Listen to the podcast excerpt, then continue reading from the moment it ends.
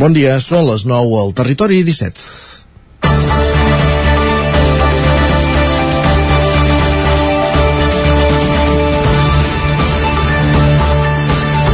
El sector de la, de la construcció està recuperant l'activitat. Després de l'aturada que va suposar l'esclat de la bombolla immobiliària i la posterior crisi econòmica i financera, en els darrers dies hem llegit dos titulars al 9-9 que il·lustren la recuperació del sector.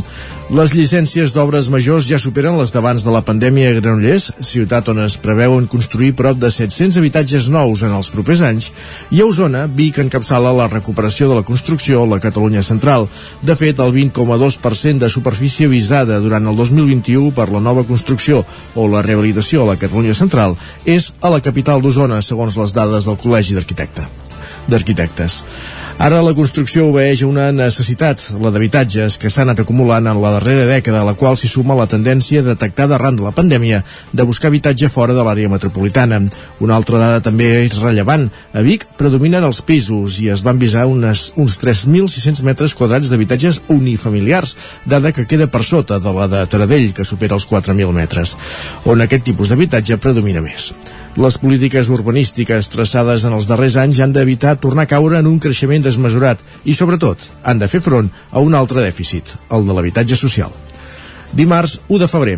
El Territori 17 comença el mes sota cobert a la sintonia de Ràdio Cardedeu, Ona Codinenca, la veu de Sant Joan, Ràdio Vic, el 9 FM i el 9 TV. Territori 17, amb Isaac Moreno i Jordi Sunyer.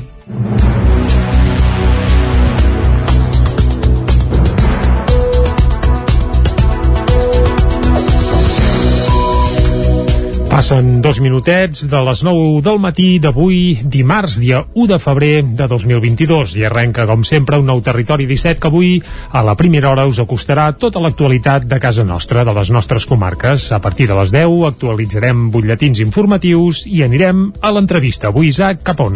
Avui a la ciutat de Vic, ens quedem a la comarca d'Osona per parlar amb Sergi Calle de Cineclub Vic de la nova temporada, de la nova programació que comença avui, retornant ja de ple a les l'espai ETC, després de l'exili que van ser, fer entre el Cinema Nou i l'Atlàntida mentre feien les obres, doncs ara el, el Nou No, perdó, el Bigatà i l'Atlàntida mentre feien les obres a l'ETC, a partir d'avui ja torna l'activitat de Cineclub Vic a l'ETC. El Bigatà, que per cert continua tancat, tancat. de moment caldrà, caldrà seguir-ho.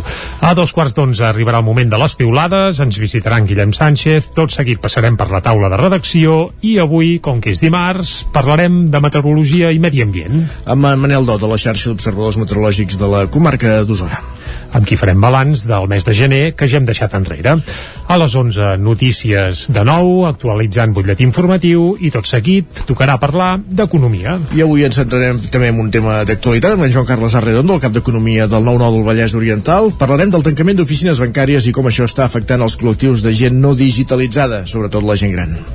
I a dos quarts de dotze arribarà el moment de pujar al tren a la Trenc d'Alba i avui, com que és dimarts, acabarem el racó de pensar. Amb la Maria López, des de Ràdio Televisió Cardedeu, avui parlant sobre la formació emocional de mestres i professors. Serà la recta final del programa, com deies. Un programa que ara arrenca, com sempre, acostant-vos l'actualitat de casa nostra, l'actualitat de les comarques del Ripollès, Osona, el Moianès i el Vallès Oriental. I aquesta actualitat passa per l'Escola de Muntanyola, que va estrenar ahir el nou edifici. El centre havia funcionat en barracons des dels seus inicis al curs 2007-2008.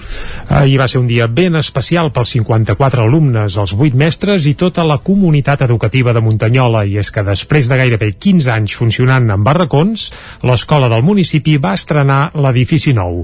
Àgata Cabrera i Gil Puntí són dos dels alumnes de l'escola. Els escoltem. Pensava que no la podria tindre moltes, molt, molt de temps, però seran dos trimestres mestres i la veritat és que estic molt agraïda per poder estar en aquesta escola. Que tingui terra radiant, que sigui autosuficient, que és molt gran, que totes les aules estan comunicades i que, bueno, mai hem pogut, no sé, gaudir d'aquesta escola i tenim un altre pati, moltes coses. La jornada d'ahir va servir per descobrir i habituar-se a l'escola nova de 700 metres quadrats que compta amb quatre aules, una per cada cicle, menjador, que també actua de sala polivalent i una biblioteca. Jordi Vila és el director de l'escola de Muntanyola. Aquí ens agrada molt treballar amb grups interactius, compartir una classe amb l'altra. Fins ara no podíem, les aules eren molt justes, no teníem espais comuns, doncs això ens permetrà eh, continuar amb el projecte d'escola, que és aquest, el treball cooperatiu, i a més a més que els grans ensenyin als petits i que els petits aprenguin dels grans sobretot. La construcció de l'escola ha estat una de les prioritats de l'actual equip de govern liderat per Carles Morera que després de les eleccions municipals del 2019 es va fixar l'objectiu de desencallar el projecte amb el Departament d'Educació. Les obres han tingut un cost de pràcticament 1,4 milions d'euros, 180.000 més del que s'havia previst inicialment a causa de l'increment del preu de les matèries primeres. Avui mateix començarà la retirada dels mòduls que havia utilitzat fins ara el centre i després es faran treballs que queden pendents a l'exterior del nou edifici. Explica Carles Morera, alcalde de Muntanyola. S'anirà urbanitzant el carrer, llavors urbanitzarem tota la zona on hi havia els mòduls, que això té un cost aproximadament d'uns 60.000 euros que els assumeix el Departament d'Educació. I a mateixa zona on urbanitzem també posem una zona, un nou parc infantil. Ens quedaria poder també la zona de pati que és una de les zones que també estem acabant però que eh, el tema Covid tampoc ens hi ha ajudat. La brigada de l'Ajuntament i les famílies van col·laborar aquest passat dissabte amb els mestres en el trasllat de tot el material dels barracons cap a la nova escola. Coincidint amb el mercat setmanal del barri del Remei de Vic, el Mercat dels Sentits, aquest diumenge polítics de Ciutadans, el Partit Popular i Vox van coincidir a la carpa informativa que va muntar la plataforma Escuela de Todos. L'objectiu de l'entitat sorgida de reivindicar l'aplicació de la sentència del Tribunal Superior de Justícia de Catalunya que obligarà a aplicar el 25% del castellà a les escoles era recollir firmes. La carpa va estar en tot moment custodiada per un ampli desplegament de Mossos d'Esquadra. El primer, amb diferència d'arribar al Mercat del Remei de Vic aquest diumenge, va ser el diputat de Ciutadans del Parlament, Carlos Carrizosa. Poc després, i passades les 11 del matí, membres de la plataforma Escuela de Todos van començar a desplegar una carpa informativa per reivindicar l'aplicació de la sentència del Tribunal Superior de, Justi de Justícia de Catalunya, que obligarà a aplicar el 25% del castellà a les escoles catalanes. Una instal·lació que fa una setmana el govern d'ANR havia desautoritzat i que aquest diumenge, amb permís a la mà, va estar en tot moment custodiada per un ampli desplegament dels Mossos d'Esquadra. Carrizosa no va ser l'única cara coneguda que s'hi va deixar caure. Josep Bou, el regidor del Partit Popular a l'Ajuntament de Barcelona, també va ser a Vic, on va néixer, per donar suport a la causa. Van completar la tríada constitucionalista Alberto Terrades i Manuel Jesús Acosta, diputats de Vox al Parlament. Tots ells van signar el manifest d'Escuela de Todos, un escrit que defensava la seva portaveu i presidenta de l'Assemblea per una escola bilingüe, Ana Losada. Estamos aquí para informar no nos gusta esta, digamos, eh, situación en la que hay muchas expectativas y que, bueno, que parece que puede ocurrir algo eh, muy diferente con tensión, pero nosotros lo que venimos aquí es informar. Venimos a informar a los ciudadanos de Vic de que hay una sentencia que se tiene que aplicar, de que todos tenemos los mismos derechos, de que queremos el catalán y el castellano como lenguas vehiculales en la escuela y aquellas familias que se animen, que se unan a la demanda colectiva de escuela de todos, que es una demanda que les garantiza la privacidad y que denuncia todo el sistema educativo. La presència de les carpes de Ciutadans i Escuela de Todos a Vic va estar aquesta vegada exempta de polèmica.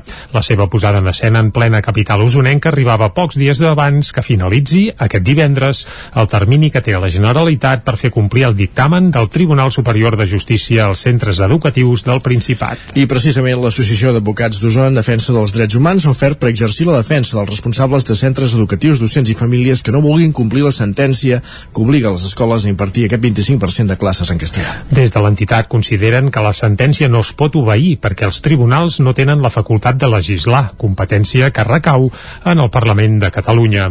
En un comunicat, l'associació afirma que la llei catalana d'educació està vigent pel que fa a la inversió lingüística i al model d'escola i que pertoca complir-la i no acatar la sentència del Tribunal Superior de Justícia.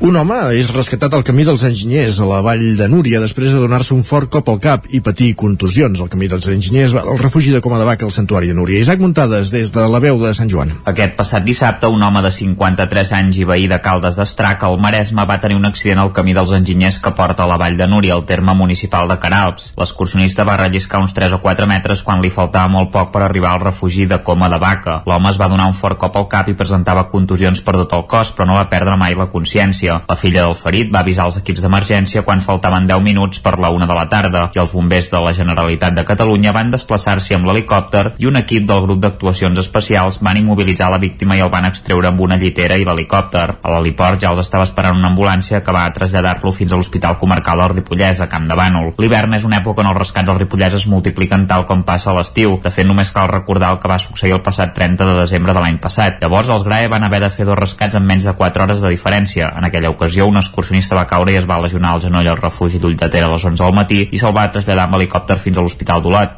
mentre que quan faltava poc per les 3 de la tarda una dona es va esquinçar al turmell a la Vall de Núria i la van haver de traslladar amb helicòpter a Can de Bànol. Gràcies, Isaac. Vigues i Riells del FAI vol incorporar la perspectiva de gènere als senyals viaris de la població. Caral Campàs, des d'Ona Codinenca. El primer ple de l'any a Vigues i Riells del FAI va aprovar una moció presentada pel grup municipal d'Acbir per considerar la perspectiva de gènere en la senyalització viària municipal. Joan Vila d'Acbir va manifestar que hi ha molts senyals que situen a la dona en una situació de dependència i subordinació. Així doncs, podem veure com, en funció de la situació que representa la senyal, doncs s'utilitza una, una figura o, o, una altra, o una altra figura. El que en, davant d'això ens estan fent moltes administracions i algunes ciutats importants d'Europa és eh, no, des, no canviar totes les senyals de figures home per senyals de figures de dona, sinó que busquen el que en, en perspectiva de gènere és la neutralitat de gènere, en la qual es donen senyals de diferent manera en, i repartides de diferents, eh, en diferents situacions. La moció es va aprovar per unanimitat. La regidora d'Igualtat, Maite Escobar, va dir que s'han de normalitzar aquestes qüestions i va afegir que ja s'està treballant en la revisió dels espais municipals aplicant la perspectiva de gènere. A més, mm, és que ens ve molt bé, i també ho vam comentar, eh, perquè aquesta proposta s'adapta perfectament a la feina que estan fent ara mateix des de la regidoria d'Urbanisme, que està el meu company Xavier, que podria explicar, però bàsicament dir-vos que estem treballant en, els, en la revisió d'espais i dels projectes urbanístics aplicant aquesta perspectiva de gènere amb el propòsit de fer que el nostre municipi i, i tots els seus espais siguin més confortables, siguin més adaptats i que en definitiva siguin més propis de la ciutadania. En aquest darrer ple també es va modificar l'ordenança fiscal que regula l'impost de la plusvàlua. Es tracta de l'actualització del model de càlcul d'aquest tribut. El govern va aprovar el novembre passat el Real Decret Llei que adapta l'impost a la resolució judicial i els ajuntaments tenien un termini de sis mesos per posar-lo en pràctica. La proposta es va aprovar amb 11 vots a favor i l'abstenció de Ciutadans. I el 2015 va començar el projecte de, perdó, de la Fàbrica de Cultura de Cardedeu. La idea era rehabilitar una antiga fàbrica tèxtil, la Tèxtil Rase, i convertir-la en un equipament municipal de cultura. El 2019 van començar les obres amb la previsió de posar en servei l'equipament al 2020. Hores d'ara, la Tèxtil Rase segueix tancada i sense una data clara d'obertura. I Lázaro, des de Ràdio Televisió Cardedeu. Entre el juliol i l'agost de 2020 haurien d'haver estat acabades les obres de la Tèxtil Rase, la fàbrica tèxtil amb més de 100 anys d'història de Cardedeu. Aquesta fàbrica va estar uns 10 anys tancada i l'Ajuntament en va fer la compra per destinar-la a un projecte cultural. Els més de 3.000 metres quadrats de la tèxtil s'han convertit en sales polivalents i punts de trobada per diferents associacions i companyies que vulguin fer residències artístiques. Les obres es van dividir en tres fases la primera es va fer adequant les sales polivalents, les quals ja estan en ús. La segona fase inclou sales polivalents de més dimensions, les àrees de cultura de l'Ajuntament i un bar amb terrassa. Aquestes obres haurien d'haver estat enllestides l'estiu de 2020, però la falta de subministraments a causa de la Covid les va alentir fins a l'estiu de l'any passat. Malgrat les obres estan acabades d'aquesta fase 2 i ja s'hauria pogut obrir, s'han trobat amb un altre problema Miquel Pujada, regidor d'Urbanisme. Ja al final de l'execució de, de la fase 2 es va veure que la nau de la fase 3 estava amenaçant gairebé eh, enrunar-se ja sola, amb el perill que el deteriorament de la nau 3 acabaria afectant l'obra nova i acabada de la fase 2. És per això que la tercera dia d'avui no s'ha obert i que en aquests moments estem a les portes de poder, dic en qüestió de dies, adjudicar les obres i un cop es presentin les garanties, els avals, etc etc, començar la que és la fase 3 tan esperada. Si no hi ha més sorpreses, l'obra estarà enllestida abans de Nadal d'aquest 2022. 1.700.000 euros es destinaran a la rehabilitació d'aquesta fase 3 i se sumaran als més de 3 milions que s'han invertit en la tèxtil rase. Informes tècnics fets arran d'unes queixes veïnals posen en perill l'activitat al Teatre Centre de Sant Quirze de Besora. S'ha detectat que no s'hauria legalitzat l'activitat quan es va reformar després de l'incendi de l'any 1986. La continuïtat de l'activitat al teatre al centre de Sant Quirze de Besora i el bar de l'equipament està penjant d'un fil.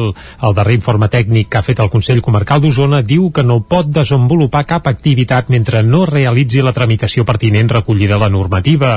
L'informe es va realitzar després de les reiterades queixes veïnals per molèsties de l'activitat del bar, que també posaven sobre la taula possibles incompliments normatius al teatre.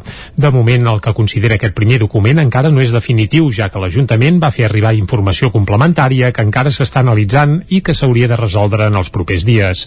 El principal problema per, mantenir l'equipament obert rau en la legalització de l'activitat, que no constaria que s'hagués fet quan es va fer de nou l'edifici després de l'incendi que va calcinar el teatre el 1986.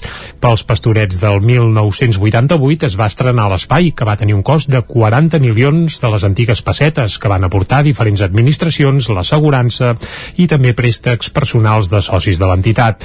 Les obres les va promoure aleshores l'Ajuntament. Ara, segons l'enginyer que va fer l'informe, no es troba el permís d'activitat i si no es tramita s'haurà de baixar el taló i la persiana.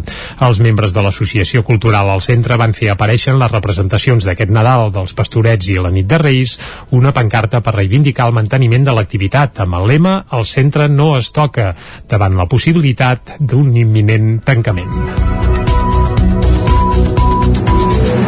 Ha acabat aquí aquest repàs informatiu que començàvem a les 9 en companyia de Jordi Sunyer, Isaac Muntades, Núria Lázaro i Caral Campàs. Moment de conèixer la previsió meteorològica. Casa Terradellos us ofereix el temps. I a la previsió ens la costa cada dia en Pep Acosta. Aquí ja saludem. Molt bon dia, Pep. Hola. Molt bon dia. Molt bona hora. Hi ha una petita novetat avui, hi ha una petita Ep, novetat, alerta. i és que la ja. tramuntana aquesta nit. Bon, bé, uh, hi ha tramuntana, això, no? ha bufat en cops forts, Ah, sí? Ah, sobretot cap al Pirineu, Ah, va. el nostre que queda Pirineu, lluny, queda lluny. Uh, cops de gairebé 100 km per hora, s'han superat una mica els 5 km per hora, uh, cap a la zona de Ull de Ter, a les zones més altes del nostre Pirineu, ha bufat fort, i això ha fet uh, que no hi hagués la inversió tèrmica eh, tan famosa i que ha durat tants dies. Avui fa més fred alta muntanya que no pas a les valls. Eh, tenim temperatures mínimes 7, 8, 9 sota 0 a alta muntanya i en canvi a les valls només ha baixat a 2, 3 sota 0 eh? aquesta inversió tèrmica eh, s'ha tallat, aquesta inversió tèrmica l'alta muntana eh, l'ha afectada i ha fet que no, no tinguem temperatures tan baixes en els llocs més enclotats Uh, hi ha hagut una mica de núvols també uh, cap a zona del Pirineu, uh, poca cosa, cap a zona occidental ha pogut nevar una mica, a les nostres comarques no ha fet gairebé res de res. I uh, això, aquesta tramuntana, aquesta injecció d'aire més fred, s'acabarà aquesta tarda vespre. Ja n'hi ha de baixa, i els cops que hem tingut de 80-90 km per hora eh, ràpidament aniran a la baixa i, i de cara al vespre nit ja només es ja sentir cops de 20-30 km per hora a tot estirar. Uh, molt de sol i l'anticicló que tornarà amb força a partir, com deia, d'aquest vespre. Les temperatures màximes molt semblants a les d'ahir, la majoria entre els 12 i els 16 graus, a l'espera d'una pujada notable a partir de demà. Avui encara es mantindran bastant a ratlla, però a partir de demà les temperatures poden pujar de manera notable. I això és tot a disfrutar el dia d'avui. L'element més, més- destacat, perdó, és la tramuntana que bufa, com deia, cap a zona del Pirineu, però serà un dia molt assolellat, molt assolellat i amb unes temperatures eh, força, força cordes en l'època de l'any, força per l'època de l'any, a l'espera, com deia, d'una pujada notable a partir de demà. Moltes gràcies, molt bon dia. Veuràs com et sento el Cristina en fronts, Pep, amb això de les temperatures força cordes en l'època de l'any. Sí, a- acordes, acordes, acordes. Va, el perdonem. Perdonem perquè, et perdonem perquè ets tu, exacte. I el vent s'ho endú tot, avui que em fa una mica de tramuntana ja va bé, però em sembla que la cosa no canvia, eh? Avui un pèl més ventilats, però ens tornaran a venir dies d'anticicló i anticicló. Doncs no ha marxat, aquí el tenim. Bé, bé, bé, i per cert, avui parlarem més de meteorologia, més en profunditat, perquè també ens visitarà Manel Dot, això serà a la segona hora Cap al final de de la segona, Territori 17, correcte. I ara anirem cap al quiosc. Que ens va, anem-hi. Casa Tarradellas us ha ofert aquest espai. Territori 17. Envia'ns les teves notes de veu per WhatsApp al 646 079 023. 646 079 023. WhatsApp Territori 17.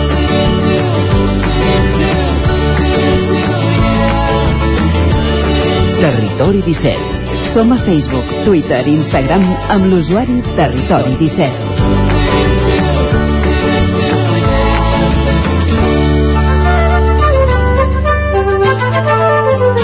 Doncs vinga, som-hi, moment de saber què diuen avui els diaris de les seves portades. Vinga, va, avui hi ha molta varietat, eh? Per tant, sempre és més divertit. No és mono Nadal com ahir? Ah, exacte, no és monogràfic Nadal. Ja, ja l'hem deixat enrere, el tema festes i, i reis i, i Ah, Nadals. és cert, sí, sí. Bé, bé. Uh, va. comencem pel punt avui. Uh, titular principal, 35.000 milions. Aquest és el dèficit d'inversió. Un terç de les obres pressupostades per l'Estat a Catalunya no s'han fet mai. També apunten que infraestructures pendents figuren cada any al pressupost i mai s'executen. Aquí ho hem denunciat alguna vegada, eh? que els pressupostos són una cosa i les execucions una altra. Però el percentatge és prou alt, encara he quedat prou meravellat. És una, són dades extretes d'un estudi de foment que presentava. Correcte, a més l'ha fet foment que no serien precisament sospitosos de bé d'escombrar cap a la part No, però hi havia la dada, eh, de, bueno, de, de, fet, de fet foment carregava contra totes les administracions, hi havia la dada de la, la part executada per la Generalitat i la part executada pel Govern Central. Bé, més detalls al punt avui d'avui. La fotografia principal al punt avui no és per aquest dèficit d'inversions, sinó per una presó que s'ha convertit en centre d'art. Es tracta del Mataró Art Contemporani. L'antic centre penitenciari es converteix en la seu, això, d'un centre d'art. I una fotografia molt divertida. I més a punts, atenció, perquè el punt avui té un nou director. El nou director del punt avui és Joan Vall Clara.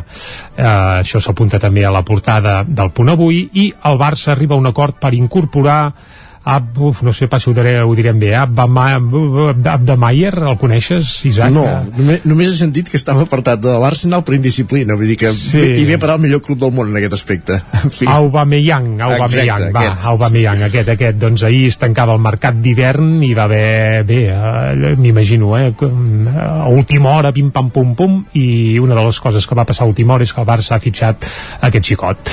Aviam. Sobre el canvi de direcció del punt avui ve forçada pel, pel nomenament eh, de Xavier Sirgo, és evident, i Joan Vall Clara, que és un històric de la, de la casa. Sí, sí, sí, ja és, tampoc és un canvi radical No, no, és, és ben evident. Anem cap a l'ara, va. Uh, titular principal, el govern farà que cada escola adapti la immersió al seu entorn. L'esborrany del nou decret dona pistes de la resposta d'educació a la sentència del 25% en castellà. La conselleria donarà autonomia als centres per decidir en funció de la seva realitat sociolingüística, una cosa que sembla de sentit comú però que ara quedarà escrita sobre el paper. També la sequera excepcional de l'últim any ja afecta les reserves d'aigua i endevines a quin pantà han anat a fer la fotografia per il·lustrar-ho? El de la Vells. No, home, no. El pantà de Sau, home. És el, baròm, el campanar de Sau és el baròmetre de l'aigua de Catalunya. I tant, i tant, i tant. Doncs el 2021 va ser l'any amb menys precipitacions a Barcelona. Atenció, des del 1835. Això és una dada que bé, que aviat és dit, eh? Clar, primer, primer que pocs observatoris tenen dades des del 1800 i escaig, això també cal dir-ho, però dels que en tenen, com per exemple el de Barcelona, resulta que l'any passat va ser el més sec des de principis del segle XIX, no el XX, sinó el XIX. I la fotografia principal és per Boris Johnson, que para i ells obren un parèntesi per ara el cop a Boris Johnson que li plouen bé, allà sí que plou no com aquí que estem amb tanta sequera el que passa que el que plou no seria precisament aigua li plou, li plou una mica de tot i eh, això que de moment para el cop per tant de moment no plega per De les- les que va fer durant el confinament exacte. a Downing Street. també un apunt, eh? la sisena onada del Covid comença a remetre a Catalunya això s'apunta a la portada de l'Ara i tant de bo doncs no vaja, sigui realitat anem cap a l'avantguàrdia, l'Estat i la Generalitat eternitzen l'execució de les obres públiques. Foment denuncia que els projectes d'inversió s'inclouen als pressupostos i no s'acaben fins més d'una dècada després. déu nhi uh, errors de lideratge i excessos amb la beguda i saps qui hi ha a la foto? No. Boris Johnson, ah. home, evidentment això és el titular d'un reportatge on fan una espècie de bé, de numeració de d'efemèrides i festetes de Boris Johnson les morts per patologies no Covid ja tripliquen les que causa el coronavirus això també apareix a la portada de La Vanguardia hi ha Aubameyang, que ja ens aprendrem el nom eh? Aubameyang arriba lliure al Barça que no es pot desfer de Dembélé és a dir, si algú es pensava que aquest xicot ve a canviar Dembélé, doncs no, eh? Dembélé ens l'haurem d'empassar com a mínim fins al mes de juny, ja veurem si jugant o apartat de l'equip, però de moment en aquest mercat d'hivern... Com a mínim com a màxim, perquè s'acaba el contracte i em sembla que la seva intenció no és pas continuar. No, però, això sembla, sembla evident. Anem cap al periòdico, va. El PSOE s'obre a indagar la pedrastia a l'Església, desbloquejat el primer tràmit per tal que hi hagi una investigació. Aquest és el titular principal del periòdico. I, eh, la fotografia per Boris Johnson, gairebé diria que disfressat aquí d'operari, però és que, clar, aquest xicot té, fa, fa gràcia sovint, eh? I diu, falta de judici i lideratge. Aquest és el titular uh, del periòdico amenitzant uh, bé, aquesta qüestió de Boris Johnson. També el Barça demana al fiscal que investigui el fitxatge de Griezmann. Es veu que hi podria haver indicis d'irregularitats en aquest fitxatge que va dur a terme la Junta de, de Bartomeu. Anem ara cap a les portades que s'editen des de Madrid i comencem com sempre pel país, que diu la Fiscalia de l'Estat entra a la investigació de l'abús sexual a l'Església, com també apuntava la portada abans de, del periòdico. La llei dificultarà la venda de pisos protegits a preu de mercat.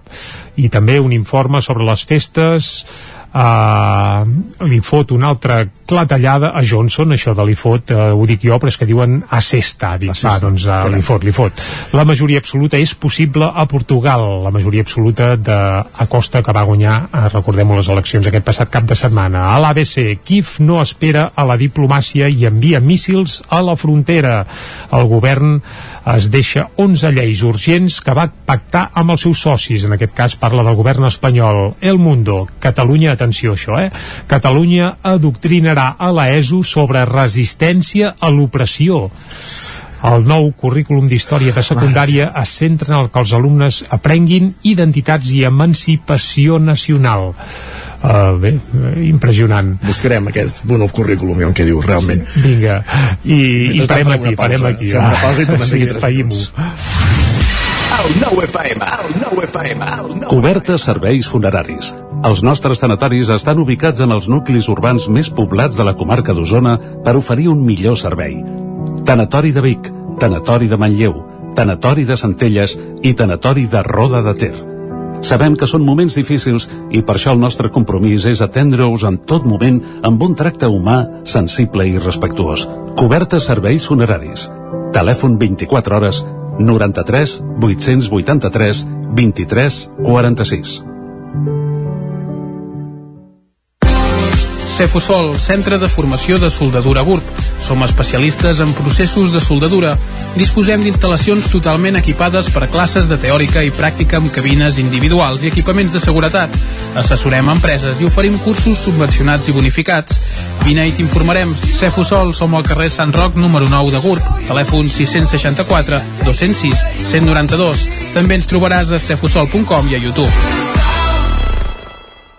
Això és el que s'escolta al voltant d'una caldera saunia d'Oval. Tranquilitat i benestar, perquè gaudeix del millor manteniment del servei tècnic oficial per estar despreocupat.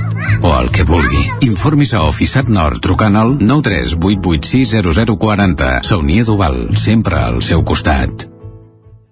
A la rostisseria El Plat ens agrada la cuina de sempre, la de les àvies i de les mares. La cuina feta amb paciència com s'ha fet tota la vida. Vine a provar els nostres canelons gruixuts o els croquetons, les nostres croquetes de 80 grams. I recupera el gust del pollastre a com els que es menjaven abans. Ah, i aprofita, fins a finals de febrer, 20% de descompte en els canelons i el pollastre.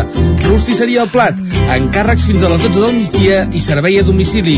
Ens trobaràs de dijous a diumenge al carrer Església número 6 de Taradell o al 93 135 58 85. Cefusol, centre de formació de soldadura GURB.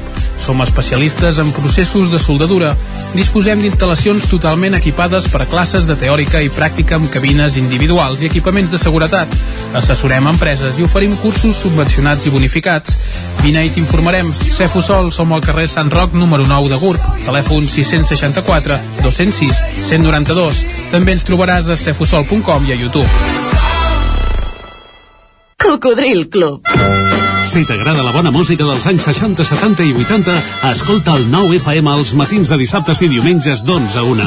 És el temps del Cocodril Club, tot un clàssic de la ràdio, amb les bases del pop-rock, les llegendes, les cançons que s'han convertit en autèntics himnes. Recorda, dissabtes i diumenges al matí, d'11 a 1, al 9 FM 92.8. Cocodril Club, el programa revival de l'Albert Malla. Hasta luego, cocodrilo. El nou FM, el nou FM, el nou FM. En punt, dos quarts de deu al territori 17. Territori 17, amb Isaac Moreno i Jordi Sunyer.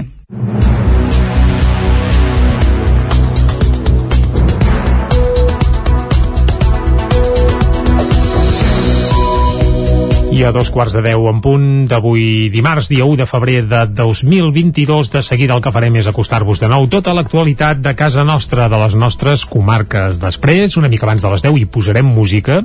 Avui, música clàssica facturada per un ex xarango. I Ai, que ja sé per on vas. Fins aquí les pistes, però des de casa aneu gratant, ho descobrirem un pèl abans de les 10. Molt bé. A les 10 el que farem és actualitzar el butlletí informatiu i després de l'entrevista avui parlarem de cinema. Amb en Sergi Calle de Cineclub Vic, que avui estrena nova temporada, com dèiem, tornant a l'ETC, l'es- l'espai de teatre i cinema de Vic, que ha estat tancat molt temps per reformes, però ja s'hi va recuperar l'activitat coincidint amb el Festival Protesta i ara ja a Cineclub Vic i trasllada tota l'activitat que els darrers mesos havia fet a l'Atlàntida i anteriorment al cinema Bigatà. Doncs vinga, celebrem aquest canvi, en coneixerem tots els detalls a l'entrevista, després a dos quarts d'onze arribarà el moment de les piulades, de la taula de redacció i després, avui, meteorologia. A Manel Dot, des de la xarxa d'observadors meteorològics de la comarca d'Osona i parlarem d'aquesta sequera que impera a les nostres comarques, de, fet a Catalunya en general des dels darrers mesos arran de la manca de pluja molt accentuada que sobretot aquest mes de gener on ens fixarem, on no hem vist pràcticament ni una gota d'aigua. Bé, si no és de boira pixanera, i tant que no, o de gelades, per exemple. A les 11, més informació i tot seguit tocarà parlar d'economia com tots els dimarts. Amb en Joan Carles Arredondo, des del 9-9 del Vallès Oriental, parlarem del tancament d'oficines bancàries i com això està afectant col·lectius de gent no digitalitzada, és a dir, la gent gran sobretot. A dos quarts de dotze a Trenc d'Alba, a la R3, i tot seguit, per acabar el programa d'avui, arribarà el racó de pensar. Amb la Maria López, des de Ràdio Televisió Cardedeu, parlant avui sobre la formació emocional de mestres i professors. I ara el que toca, com dèiem abans, és acostar-vos de nou l'actualitat de casa nostra, l'actualitat de les comarques del Ripollès, Osona, el Moianès i el Vallès Oriental. I aquesta actualitat passa per l'Escola de Muntanyola, que va estrenar ahir el nou edifici. El centre havia funcionat en barracons des dels seus inicis al curs 2007-2008. Ahir va ser un dia ben especial pels 54 alumnes, els 8 mestres i tota la comunitat educativa de Muntanyola. I és que després de gairebé 15 anys funcionant en barracons, l'escola del municipi va estrenar l'edifici nou. Àgata Cabrera i Gil Puntí són dos dels alumnes de l'escola. Els escoltem. Pensava que no la podria tindre moltes, mo, molt de temps, però seran dos trimestres i la veritat és que estic molt agraïda per poder estar en aquesta escola. Que tingui terra radiant, que sigui autosuficient, que és molt gran, que totes les aules estan comunicades i que, bueno, mai hem pogut no sé, gaudir d'aquesta escola i tenim un altre pati, moltes coses. La jornada d'ahir va servir per descobrir i habituar-se a l'escola nova de 700 metres quadrats que compta amb quatre aules, una per cada cicle, menjador, que també actua de sala polivalent i una biblioteca. Jordi Vila és el director de l'escola de Muntanyola. Aquí ens agrada molt treballar amb grups interactius, compartir una classe amb l'altra. Fins ara no podíem, les aules eren molt justes, no teníem espais comuns, doncs això ens permetrà eh, continuar amb el projecte d'escola, que és aquest, el treball cooperatiu, i a més a més que els grans ensenyin als petits i que els petits aprenguin dels grans, sobretot. La construcció de l'escola ha estat una de les prioritats de l'actual equip de govern, liderat per Carles Morera, que després de les eleccions municipals del 2019 es va fixar l'objectiu de desencallar el projecte amb el Departament d'Educació. Les obres han tingut un cost de pràcticament 1,4 milions d'euros, 180.000 més del que s'havia previst inicialment a causa de l'increment del preu de les matèries primeres. Avui mateix començarà la retirada dels mòduls que havia utilitzat fins ara el centre i després es faran treballs que queden pendents a l'exterior del nou edifici. Ho explica Carles Morera, alcalde de Muntanyola. S'anirà urbanitzant el carrer, llavors urbanitzarem tota la zona on hi havia els mòduls, que això té un cost aproximadament d'uns 60.000 euros que els assumeix el Departament d'Educació. I mateix la zona on urbanitzem també hi posem una zona, un nou parc infantil. Ens quedaria poder també la zona de pati que és una de les zones que també estem acabant però que eh, el tema Covid tampoc ens hi ha ajudat. La brigada de l'Ajuntament i les famílies van col·laborar aquest passat dissabte amb els mestres en el trasllat de tot el material dels barracons cap a la nova escola. Coincidint amb el mercat setmanal del barri del Remei de Vic, el Mercat dels Sentits, aquest diumenge polítics de Ciutadans, el Partit Popular i Vox van coincidir a la carpa informativa que va muntar la plataforma Escuela de Todos. L'objectiu de l'entitat sorgida de reivindicar l'aplicació de la sentència del Tribunal Superior de Justícia de Catalunya que obligarà a aplicar el 25% del castellà a les escoles era recollir firmes. La carpa va estar en tot moment custodiada per un ampli desplegament de Mossos d'Esquadra. El primer, amb diferència d'arribar al Mercat del Remei de Vic aquest diumenge, va ser el diputat de Ciutadans al Parlament, Carlos Carrizosa. Poc després i passades les 11 del matí, membres de la plataforma Escuela de Todos van començar a desplegar una carpa informativa per reivindicar l'aplicació de la sentència del Tribunal Superior de, Justi de Justícia de Catalunya que obligarà a aplicar el 25% del castellà a les escoles catalanes. Una instal·lació que fa una setmana el govern d'ANR havia desautoritzat i que aquest diumenge, amb permís a la mà, va estar en tot moment custodiada per un ampli desplegament dels Mossos d'Esquadra. Carrizosa no va ser l'única cara coneguda que s'hi va deixar caure. Josep Bou, el regidor del Partit Popular a l'Ajuntament de Barcelona també va ser a Vic, on va néixer, per donar suport a la causa. Van completar la tríada constitucionalista Alberto Terrades i Manuel Jesús Acosta, diputats de Vox al Parlament. Tots ells van signar el manifest d'Escola de Todos, un escrit que defensava la seva portaveu i presidenta de l'Assemblea per una escola bilingüe, Ana Losada. Estamos aquí para informar. No nos gusta esta, digamos, eh, situación en la que hay muchas expectativas y que, y que, bueno, que parece que puede ocurrir algo, eh, algo diferente con tensión, pero nosotros lo que venimos aquí es informar. Venimos a informar a los ciudadanos de Vic de que hay una sentencia que se tiene que aplicar, de que todos tenemos los mismos derechos, de que queremos el catalán y el castellano como lenguas vehiculares en la escuela y aquellas familias que se animen, que se unan a la demanda colectiva de escuela de todos, que es una demanda que les garantiza la privacidad y que denuncia todo el sistema educativo. La presència de les carpes de Ciutadans i Escuela de Todos a Vic va estar aquesta vegada exempta de polèmica.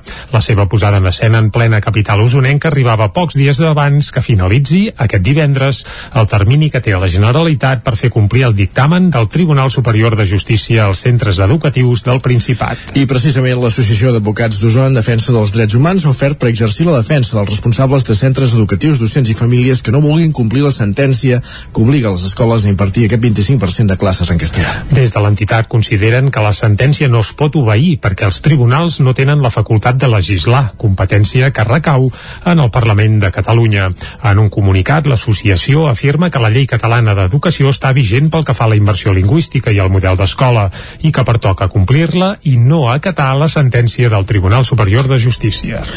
Un home és rescatat al camí dels enginyers a la vall de Núria després de donar-se un fort cop al cap i patir contusions. El camí dels enginyers va del refugi de Coma de Vaca al Santuari de Núria. Isaac Muntades des de la veu de Sant Joan. Aquest passat dissabte, un home de 53 anys i veí de Caldes d'Estrac, al Maresme, va tenir un accident al camí dels enginyers que porta a la vall de Núria, al terme municipal de Caralps. L'excursionista va relliscar uns 3 o 4 metres quan li faltava molt poc per arribar al refugi de Coma de Vaca. L'home es va donar un fort cop al cap i presentava contusions per tot el cos, però no va perdre mai la consciència. La filla del ferit va avisar els equips d'emergència quan faltaven 10 minuts per la una de la tarda i els bombers de la Generalitat de Catalunya van desplaçar-s'hi amb l'helicòpter i un equip del grup d'actuacions especials van immobilitzar la víctima i el van extreure amb una llitera i l'helicòpter. A l'heliport ja els estava esperant una ambulància que va traslladar-lo fins a l'Hospital Comarcal del Ripollès, a Camp de Bànol. L'hivern és una època on els rescats al Ripollès es multipliquen tal com passa a l'estiu. De fet, només cal recordar el que va succeir el passat 30 de desembre de l'any passat. Llavors, els GRAE van haver de fer dos rescats en menys de 4 hores de diferència. En aquella ocasió, un excursionista va caure i es va lesionar el genoll al refugi d'Ulldatera a les 11 del matí i se'l va traslladar amb helicòpter fins a l'Hospital d'Olot, mentre que quan faltava poc per les 3 de la tarda una dona es va esquinçar al turmell a la Vall de Núria i la van haver de traslladar amb helicòpter a Can de Bànol.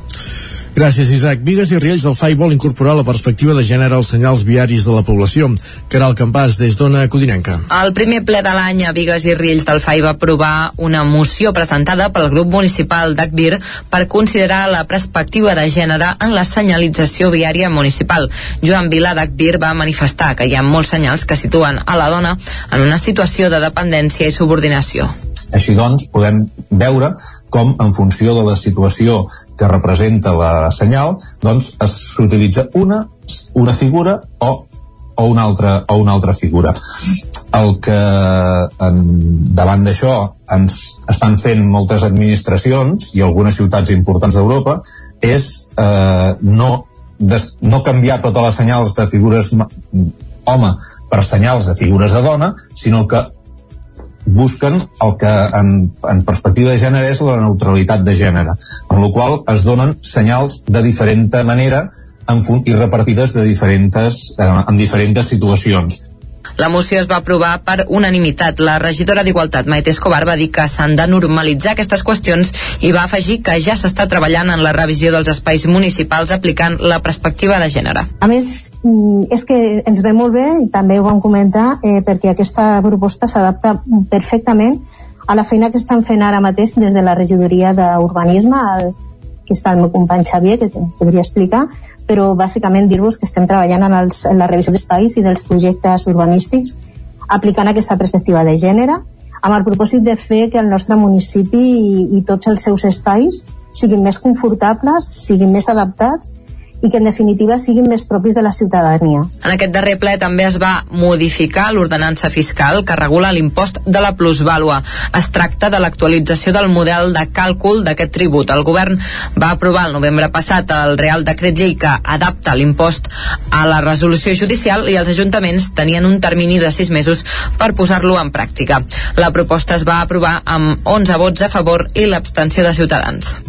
I el 2015 va començar el projecte de, perdó, de la Fàbrica de Cultura de Cardedeu. La idea era rehabilitar una antiga fàbrica tèxtil, la Tèxtil Rase, i convertir-la en un equipament municipal de cultura. El 2019 van començar les obres amb la previsió de posar en servei l'equipament al 2020. hores d'ara, la Tèxtil Rase segueix tancada i sense una data clara d'obertura.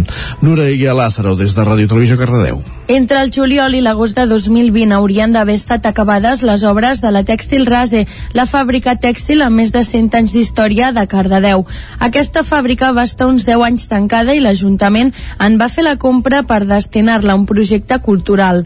Els més de 3.000 metres quadrats de la tèxtil s'han convertit en sales polivalents i punts de trobada per diferents associacions i companyies que vulguin fer residències artístiques. Les obres es van dividir en tres fases la primera es va fer adequant les sales polivalents, les quals ja estan en ús. La segona fase inclou sales polivalents de més dimensions, les àrees de cultura de l'Ajuntament i un bar amb terrassa. Aquestes obres haurien d'haver estat enllestides l'estiu de 2020, però la falta de subministraments a causa de la Covid les va alentir fins a l'estiu de l'any passat. Malgrat les obres estan acabades d'aquesta fase 2 i ja s'hauria pogut obrir, s'han trobat amb un altre problema. Miquel Pujada, regidor d'Urbanisme. Ja al final de l'execució de, de la fase 2 es va veure que la nau de la fase 3 estava amenaçant gairebé eh, enronar-se ja sola, amb el perill que el deteriorament de la nau 3 acabaria afectant l'obra nova i acabada de la fase 2. És per això que la tercera raça dia d'avui no s'ha obert i que en aquests moments estem a les portes de poder, dic en qüestió de dies, adjudicar les obres i un cop es presentin les garanties, els avals, etc etc, començar la que és la fase 3 tan esperada. Si no hi ha més sorpreses, l'obra estarà enllestida abans de Nadal d'aquest 2022.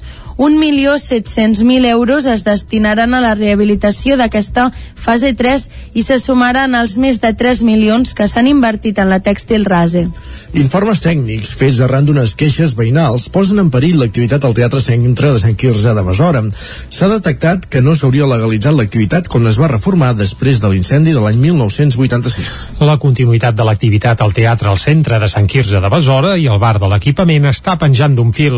El darrer informe tècnic que fet el Consell Comarcal d'Osona diu que no pot desenvolupar cap activitat mentre no realitzi la tramitació pertinent recollida a la normativa.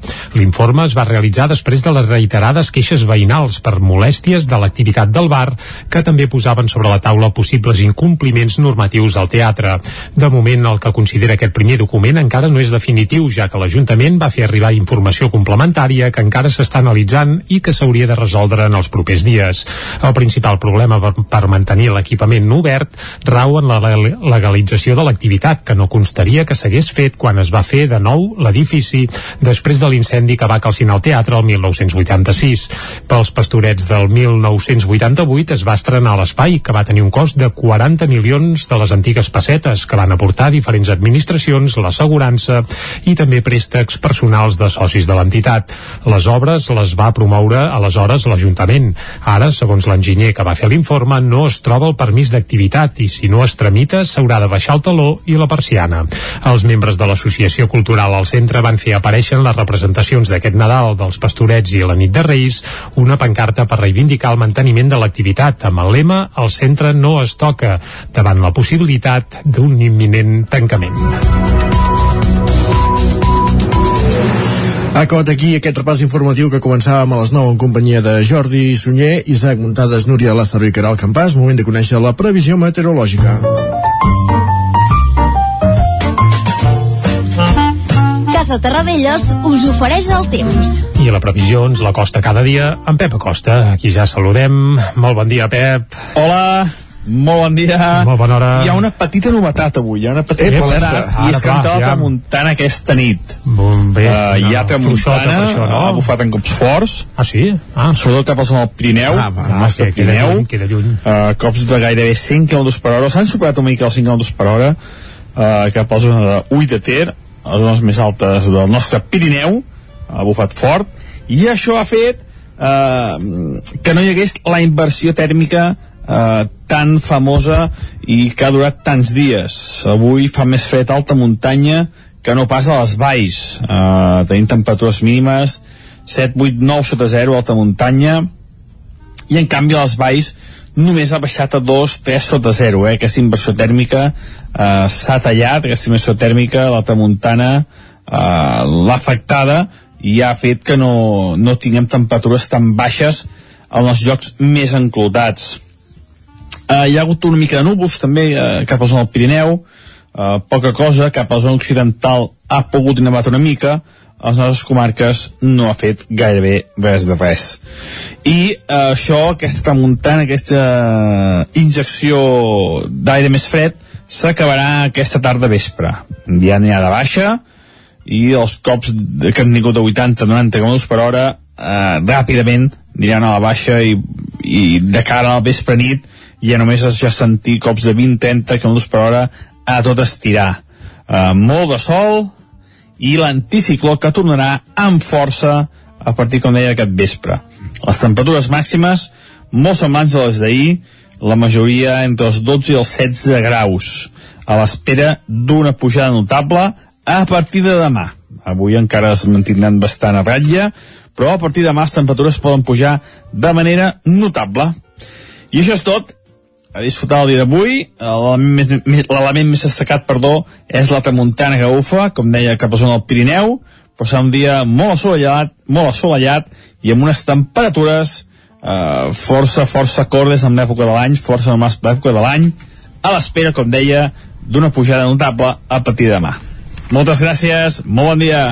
Veuràs com et sento el Cristina en fronts, Pep, amb això, les temperatures força cordes amb l'època de l'any. Ja, acordes, acordes, acordes. Va, el perdonem. perdonem perquè, et perdonem perquè tu, exacte. I el vent s'ho endú tot avui, que em fa una mica de tramuntana i ja va bé, però em sembla que la cosa no canvia, eh? Avui un pèl més ventilats, però ens tornaran a venir dies d'anticicló i anticicló. Pues fer nom marxat, aquí el tenim. Bé, bé, bé, i per cert, avui parlarem més de meteorologia, més en profunditat, perquè també ens visitarà en Manel Dot, això serà a la segona hora Cap al final de de Territori 17, correcte. I ara anirem cap al quiosc. Doncs va, anem-hi.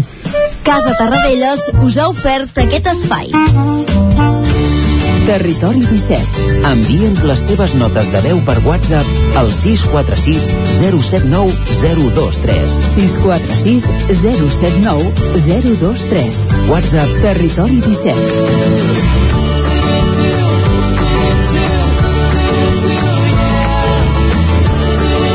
Territori 17. Som a Facebook, Twitter i Instagram amb l'usuari Territori 17.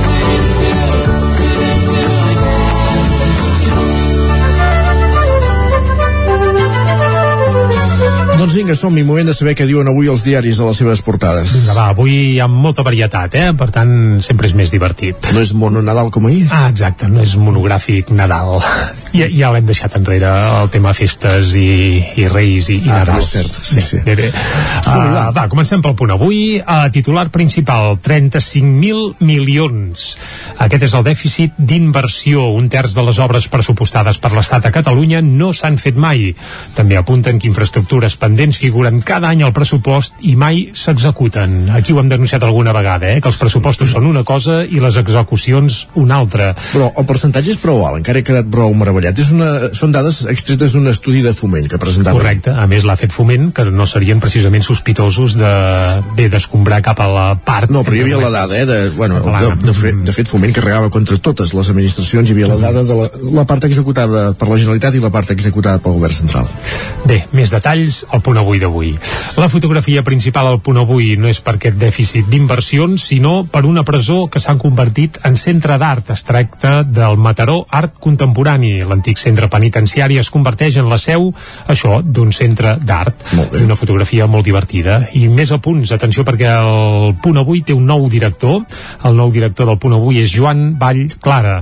Eh, això s'apunta també a la portada del punt avui i el Barça arriba a un acord per incorporar Ab, uf, no sé pas si ho, diré, ho direm bé, Abdemayer, el coneixes, Isaac? No, només, només he sentit que estava apartat de l'Arsenal per indisciplina, vull dir que Sí. sí. hi ve per al millor club del món en aquest aspecte. En fi. Aubameyang, Aubameyang, Exacte, va, aquest. Aubameyang, aquest, aquest, doncs ahir es tancava el mercat d'hivern i va haver, bé, eh, m'imagino, eh, a última hora, pim-pam, pum-pum, i una de les coses que va passar a última hora és que el Barça ha fitxat aquest xicot. Aviam. Sobre el canvi de direcció del punt avui ve forçada pel, pel nomenament eh, de Xavier Xirgo, és evident, i Joan Vall Clara, que és un històric de la, de la casa. Sí, sí, sí, ja és, tampoc és un canvi radical No, no, menys. és, és ben evident. Anem cap a l'ara, va. Uh, titular principal, el govern farà que cada escola adapti la immersió al seu entorn.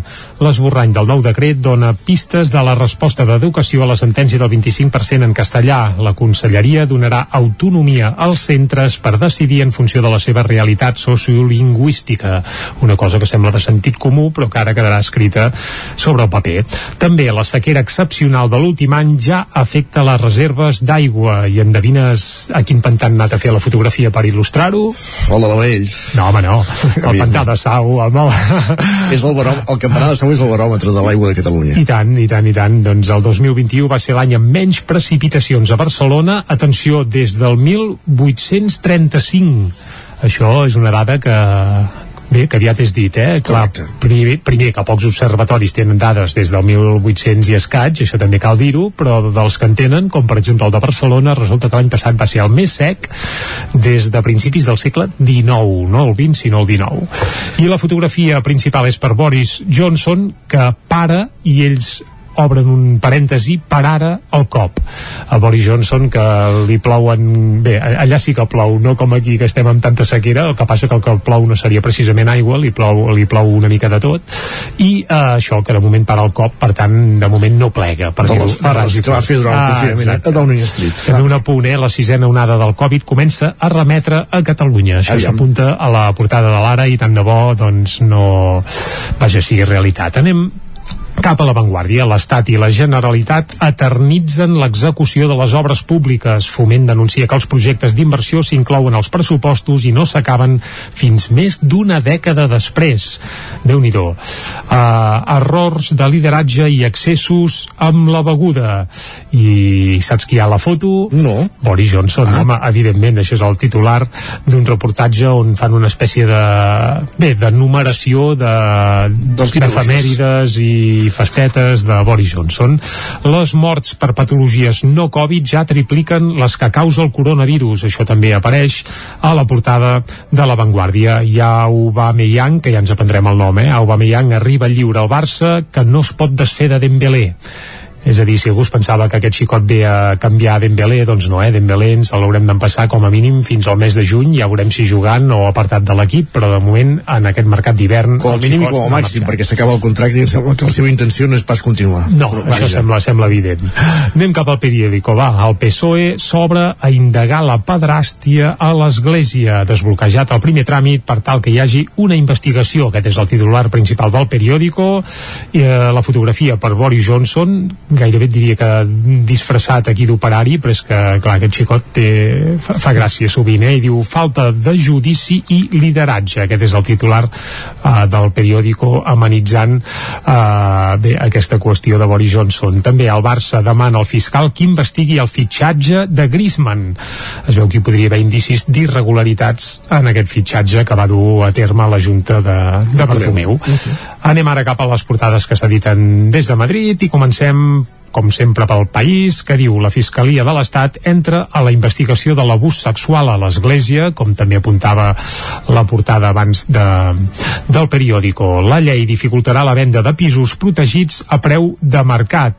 I també un informe sobre les festes eh, li fot una altra clatellada a Johnson, això de li fot, eh, ho dic jo, però és que diuen assesta, dic, va, doncs eh, li fot, li fot.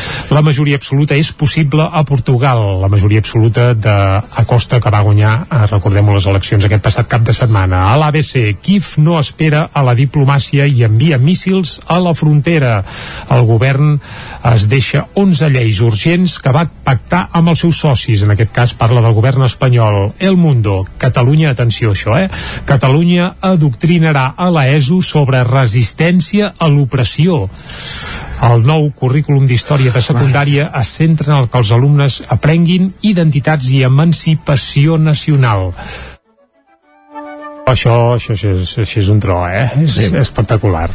Haurem de Ah, buscar la lletra menuda, ja amb què, de què va la cosa. Bé, ja se sap que tothom ho interpreta per on volen i, escolta, fer pedagogia de la història més recent nostrada em sembla que hauria de ser una obligació, no només de, dels Ai, ai, que seràs tu la portada del món de demà. Ai, ai, ai, ai. Bé, tant és, tant és. Vinga, va, anem cap a la Razón, que ens queda la Razón, eh, on estan molt centrats en aquestes eleccions a Castella i Lleó i apunten que el PP descarta repetir eleccions i espera tenir un govern sòlid. Ja els estan fent la campanya des de la Razón.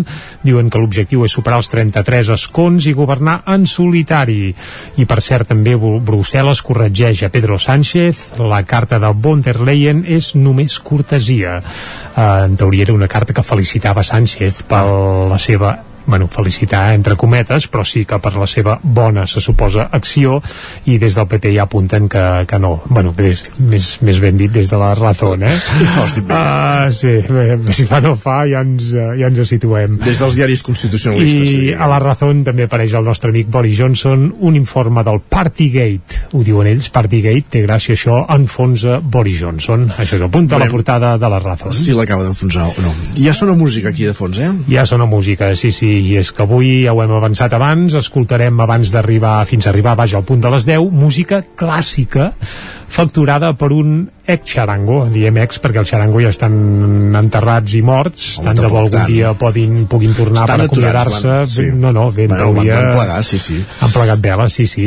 Però un dels músics de xarango, en Sergi Carbonell, de Ribes de Freser, en hippie, tothom el coneix com el hippie, El pianista. doncs aquest ja, mentre a Charango funcionava, de tant en tant ja havia tingut algun rampell i havia publicat, atenció, tres discos de piano, de piano sol, és a dir, de piano clàssic. I ara, aquest diumenge, va publicar el seu quart disc de piano, també, és a dir, és un disc que no deixa de ser de, entre cometes, música clàssica, es titula Ubuntu, però aquest cop no és de piano sol, sinó que, atenció, ha anat a gravar aquest disc ell al piano i se'n va anar amb la Budapest Symphonic eh, Orquestra, és a dir, l'Orquestra Simfònica de Budapest, va fitxar eh, un quartet de corda amb músics d'aquesta orquestra i junts van gravar aquest disc. Per tant, diguem que no es va estar de res a l'hora d'enregistrar-lo i, a més, fins i tot va anar a Budapest a enregistrar-lo i la cançó que ja estem escoltant de fons és Samsara, una de les peces d'aquest nou disc que recordem-ho es diu Ubuntu. Per cert, se n'han fet còpies físiques concretament 555 ah. uh, numerades i aquelles coses que passen, per tant, pels amants de la música de veritat i física, doncs que sàpiguen que aquest disc es pot adquirir en format físic i, I amb això, exclusiva. correcte, i amb això arribarem fins al punt de les 10 uh, desengraçant perquè la veritat és que és música d'aquella per volar una mica fins a les 10, Sergi Carbonell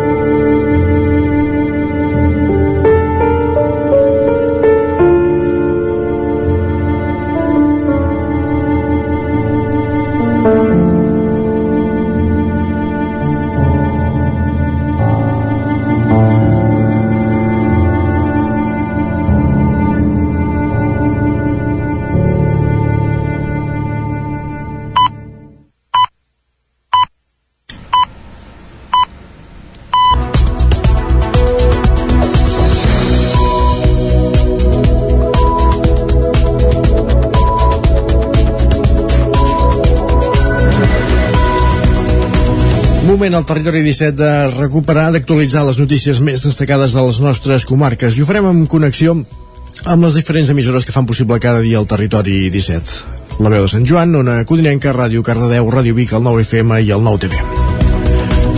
Ripoll podria recuperar la base de manteniment ferroviari arran de les obres de l'esdoblament de la línia R3. Isaac Muntades, des de la veu de Sant Joan. Ripoll està cada vegada més a prop de tornar a tenir una base de manteniment de convois ferroviaris a ple rendiment. L'alcalde Jordi Monell va revelar que van mantenir una segona reunió el passat 12 de gener amb la directora de Renfe de Rodalies de Catalunya, Maite Castillo, i el coordinador del Pla de Rodalies a Catalunya, Pere Macias. L'alcalde Ripollès va comentar que les futures obres del desdoblament de la línia R3 de Rodalies a la seva part sud hi estan influint molt, i és que de la Garriga cap avall es preveu que hi hagi talls del servei ferroviari durant almenys dos anys i per tant s'hauria de buscar una circulació alternativa. Monell va dir que això encara s'allargarà més i seria necessària aquesta base de manteniment. Això tindrà continuïtat amb el següent quinqueni 25-30 dins el pla de Rodalies amb el desdoblament des de Parets del Vallès, Santa Perpètua de la Moguda i Montcada Reixac i després possiblement amb el de Taradell Centelles i després possiblement amb el de Centelles la Garriga. Per tant tenim un escenari en què la R3 té varis anys de perspectiva de tenir afectació estacions de circulació de trens. Per tant, vol dir que tots els trens, els convois que donguin servei a la línia des de la Garriga en amunt fins a Puigcerdà a la Tour de Carol, eh, que poden ser una desena de trens, aquests trens algú els ha de fer el manteniment, reparació, posta a punt diària, cada dia, d'aquests trens. Llavors això ho han de fer-ho amb una base de manteniment. Actualment hi ha una base de manteniment situada a Vilanova i la Geltrú i l'altra a l'Hospitalet de Llobregat. En conseqüència, es necessita una base alternativa que es podria mantenir un cop s'acabessin aquests treballs a Ripoll. De fet, la capital del Ripoll Montpellier ja n'havia tingut una on hi havien arribat a treballar una seixantena de persones. Ara es crearien una trentena de llocs de treball directes i més indirectes. La base se situaria en sol ferroviari que el pla urbanístic municipal ja contempla. De totes maneres, Monell va voler ser prudent i va reiterar que de moment només hi ha una proposta sobre la taula i no hi ha cap projecte tangible per ara denuncien un jove que gairebé quadriplicava el límit del qual li va fugir d'un control a Vic. El conductor, mentre fugia, va provocar danys a diferents vehicles entre el carrer Manlleu i la plaça del Milenari. La Guàrdia Urbana de Vic va instruir diligències al jutjat de Guàrdia contra un conductor que va saltar-se un control de la Guàrdia Urbana i que va quedar accidentant-se a la plaça de l'estació. Els fets van passar la matinada de dissabte. Després de saltar-se el control, va conduir de forma temerària i va provocar danys a diferents vehicles entre el carrer Manlleu i la plaça del Milenari escenari, segons ha informat la Guàrdia Urbana. A l'altura de la plaça de l'estació va patir un accident. El conductor, un jove de 30 anys, veí de Roda de Ter, va donar positiu. En la primera prova d'alcoholèmia va donar 0,93 mil·lígrams per litre, quan el límit és de 0,25, i a la segona 0,88. I encara en pàgina de successos, la Guàrdia Urbana de Vic va enxampar un jove quan intentava vendre la bicicleta que acabava de robar. La Guàrdia Urbana de Vic va recuperar divendres una bicicleta que acabaven de robar. Pels vols d'un quart d'una del migdia, un veí va trucar a la comissaria denunciant que li acabaven de robar la bicicleta al centre de la ciutat mentre feia una mudança. L'home va poder veure l'autor i va facilitar la descripció als agents. Gràcies a això, una patrulla que feia el servei de paisà va localitzar el presumpte autor quan intentava vendre-la a la zona dels habitatges Montseny, al barri del Remei. Es va recuperar la bicicleta i es van instruir diligències al jove per la comissió d'un furt. Caldes de Montbui aprova una expropiació per tal de crear una nova zona verda al barri de la Bolera. Caral Campàs, des d'Ona Codinenca. El ple municipal del mes de gener va desencallar l'expropiació que quedava per tirar endavant les obres de la nova zona verda de la Bolera.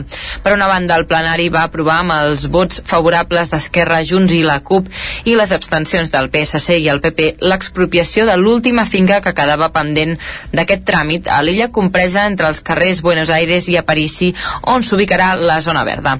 Per altra banda, es va incloure també una moció d'urgència per impulsar l'enderroc d'aquesta parcel·la, que va tenir el suport de tots els grups, tret del PSC, que s'hi va abstenir. El regidor d'Espais Públics i Mobilitat, Jaume Mauri, va explicar els motius pels quals aquesta expropiació havia trigat tant. Bé, aquesta és l'última finca que ens queda per expropiar del sector dels carrer Buenos Aires, amb, amb el carrer Aparici, el carrer Moreño i Santo Domingo, amb el futur parc de la Bolera, i ja podem eh, expropiar-la perquè hem tingut durant un temps que aquí vull eh, treure-ho en relleu una feina des de eh, serveis socials i el Departament d'Habitatge per recol·locar les persones que ho necessitaven. Uh, un cop uh, les, les persones estan uh, col·locades adequadament, les que hi havien ocupant aquests habitatges, ja ens podem uh, posar a expropiar l'última finca. La futura zona verda oferirà un espai obert en una zona on ara no n'hi ha i que a més té molta densitat de població. La proposta planteja una divisió de l'espai en tres plataformes adaptades i connectades entre elles, salvant els desnivells existents entre els carrers i creant recorreguts accessibles per a tothom. La plataforma superior serà una zona de jocs infantils connectada amb la plataforma inferior per un tobogan i planxes de fusta. En la part inferior s'hi col·locaran bancs i cadires prop de la zona de jocs per propiciar l'estada i la socialització dels veïns i en la plataforma intermèdia es crearà un espai diàfan per poder programar activitats a l'aire lliure. Aproven definitivament el projecte per construir el polígon del Pla del Mas de Manlleu. L'aprovació permetrà posar a disposició de les empreses 66.000 metres quadrats de sòl industrial. L'Ajuntament de Manlleu ha donat l'empenta definitiva al projecte per construir un nou polígon industrial al Pla del Mas. Després d'anys de tràmits i converses amb els propietaris, això permetrà treure les obres al concurs aquest mes de febrer i un cop adjudicades, les màquines ja es podran posar a treballar sobre el terreny. Els treballs s'allargaran una mica més d'un any i dotaran Manlleu de 120.000 metres quadrats de nou polígons, 66.000 dels quals de sol industrial edificable. L'alcalde Àlex Garrido va reconèixer una vegada més que es tracta d'una necessitat de primer ordre perquè hi ha empreses que necessiten créixer i fins ara pràcticament no tenien cap més alternativa que buscar emplaçaments fora de la ciutat. L'aprovació definitiva del projecte es va incorporar d'urgència al ple de dimarts passat després que l'Agència Catalana de l'Aigua resolgués l'últim tràmit, la taxa de sanejament que puja a 130.000 euros i que el consistori va abonar el mateix dia.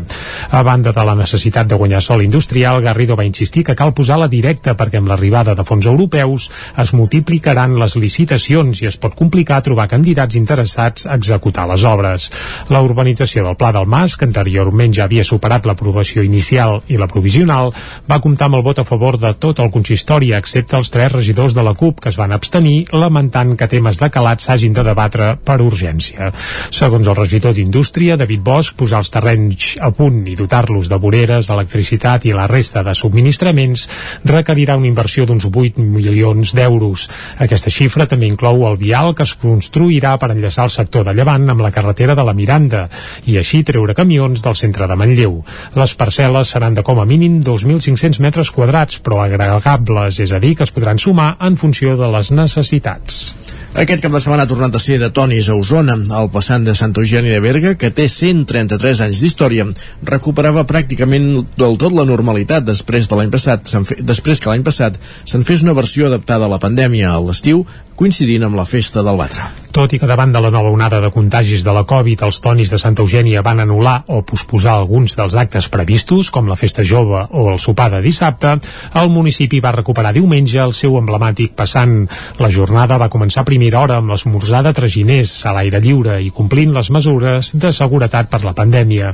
Abans que arrenqués la comitiva i de manera excepcional en diumenge, Lourdes Galbany i Montserrat Sant Martí van fer el pregó. Totes dues han estat mestres de l'escola Jacint Verdaguer, vinculada amb la Festa dels Tonis a través del concurs de dibuix.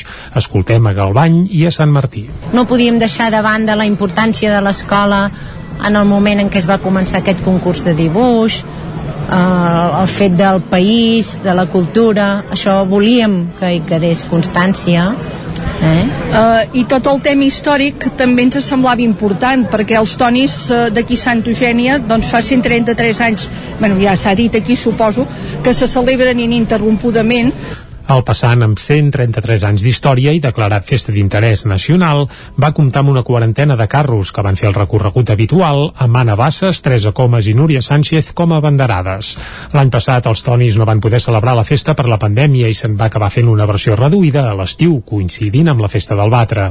Xavi Fernández és l'alcalde de Santa Eugènia de Berga. M'ha quedat una festa una mica més, com dèiem, descafeinada, eh? Aquest any poder tornar a fer la, la festa del, dels tonis amb els tres toms al centre històric del municipi de forma oberta, no? sense també gràcies a les vacunacions, a una mica les mascaretes, etc doncs podem tornar a gaudir d'aquesta festa, penso que és un gran, un gran honor, la veritat és que sí. Durant tot el cap de setmana a Santa Eugènia, a l'Església Nova, també hi va estar oberta una exposició d'aquarel·les de Jordi Cassany. Esports. El, car el futbolista cardedeuenc Jordi Vinyals aconsegueix l'ascens a la Superliga de la Xina amb l'equip del Zayan Green Town. Ho ha aconseguit després de guanyar el Qingdao Huangai, que, equip que va entrenar la temporada passada. Núria Lázaro, des de Ràdio Televisió, Cardedeu.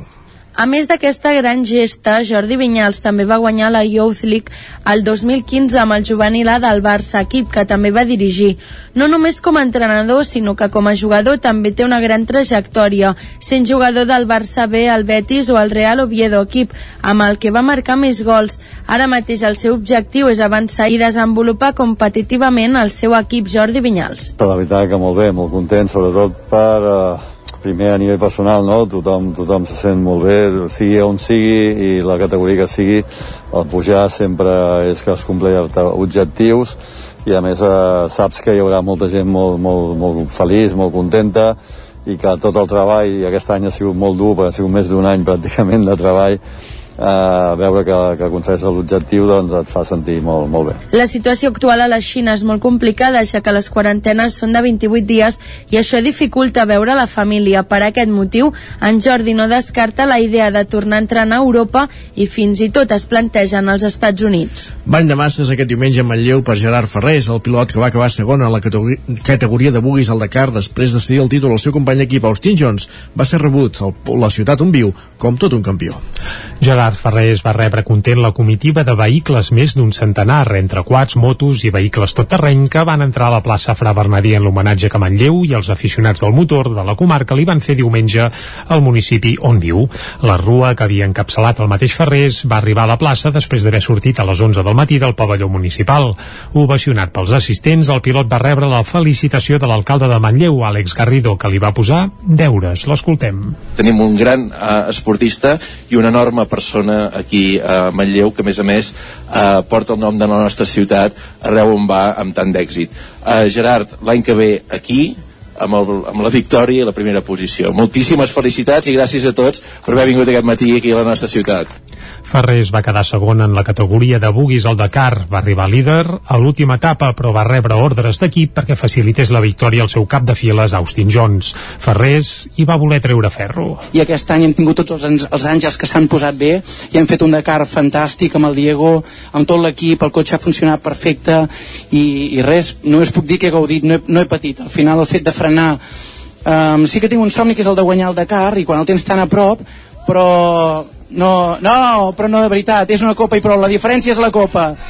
Durant la celebració hi va haver una connexió en directe amb el copilot de Ferrés, Diego Ortega, que resideix a Melilla.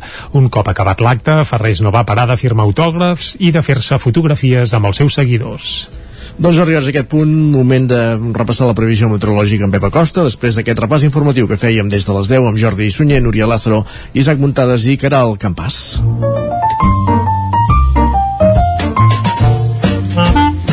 Casa Terradellos us ofereix el temps. I en Pep Acosta ja el tenim de nou aquí perquè ens expliqui una mica doncs, quina és la situació meteorològica marcada avui al matí ens deia pel vent una mica, eh? Sí. Aviam, va, Pep, vinga, bon dia de nou. Hola, molt bon dia. Molt bona hora. Hi ha una petita novetat avui, hi ha una petita novetat i és Ah, que ha entrat la tramuntana aquesta nit. Uh, hi ha tramuntana, uh ha bufat en cops forts, sobretot cap al Pirineu, el nostre Pirineu, uh, cops de gairebé 100 km per hora, s'han superat una mica els 5 km per hora, uh, cap a la zona de Ull de Ter, a les zones més altes del nostre Pirineu, ha bufat fort, i això ha fet uh, que no hi hagués la inversió tèrmica eh, tan famosa i que ha durat tants dies. Avui fa més fred alta muntanya que no pas a les valls. Eh, tenim temperatures mínimes 7, 8, 9 sota 0 a alta muntanya i en canvi a les valls només ha baixat a 2, 3 sota 0 eh? aquesta inversió tèrmica. Eh, s'ha tallat, aquesta inversió tèrmica a l'alta muntana eh, l'ha afectada i ha fet que no, no tinguem temperatures tan baixes en els llocs més enclotats eh, hi ha hagut una mica de núvols també eh, cap a la zona del Pirineu. Eh, poca cosa, cap a la zona occidental ha pogut nevat una mica. A les nostres comarques no ha fet gairebé res de res i eh, això, aquesta tramuntana aquesta injecció d'aire més fred s'acabarà aquesta tarda vespre ja n'hi ha de baixa i els cops que hem tingut de 80-90 km per hora eh, ràpidament aniran a la baixa i, i de cara al vespre nit ja només es ja sentir cops de 20-30 km per hora a tot estirar eh, molt de sol i l'anticicló que tornarà amb força a partir, com deia, d'aquest vespre. Les temperatures màximes molt semblants a les d'ahir, la majoria entre els 12 i els 16 graus, a l'espera d'una pujada notable a partir de demà. Avui encara es mantindran bastant a ratlla, però a partir de demà les temperatures poden pujar de manera notable. I això és tot. A disfrutar el dia d'avui. L'element més, més- destacat, perdó, és la tramuntana que bufa, com deia, cap a zona del Pirineu, però serà un dia molt assolellat, molt assolellat i amb unes temperatures eh, força, força cordes amb l'època de l'any, força per l'època de l'any, a l'espera, com deia, d'una pujada notable a partir de demà. Moltes gràcies, molt bon dia. Vinga, ja ho tenim això. Una tramuntana que no s'endú l'anticicló, per això, eh? No, no, no, no, no, es veu que no. Però vaja, una mica ventilats, així estem més distrets, també. Exacte. Va, ah, tanquem aquí uh, la pàgina meteorològica. I anem cap a l'entrevista. Vinga, anem-hi. Casa Tarradellas us ha ofert aquest espai. Territori 17. Envia'ns les teves notes de veu per WhatsApp al 646 079 023. 646 079 023. WhatsApp Territori 17.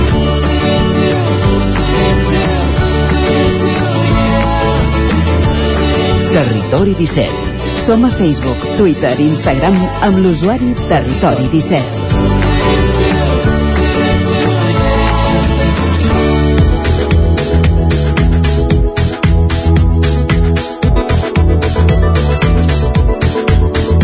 Avui és 1 de febrer i per tant Cineclub Vic comença la nova programació, la programació de febrer a juny, que inclou 33 sessions que comencen aquest dimarts amb la pel·lícula First Cow de Kerry Reicher, un dels cineastes independents més valorats als Estats Units i que té com a novetat aquesta nova programació que torna a l'espai ETC, al Passeig de la Generalitat de Vic, on no fan sessions de Cineclub Vic des de l'any 2019 quan van començar les obres, sí que s'hi va fer ja el Julius i ara ja s'hi consolida de nou tota la, la programació de Cineclub Vic.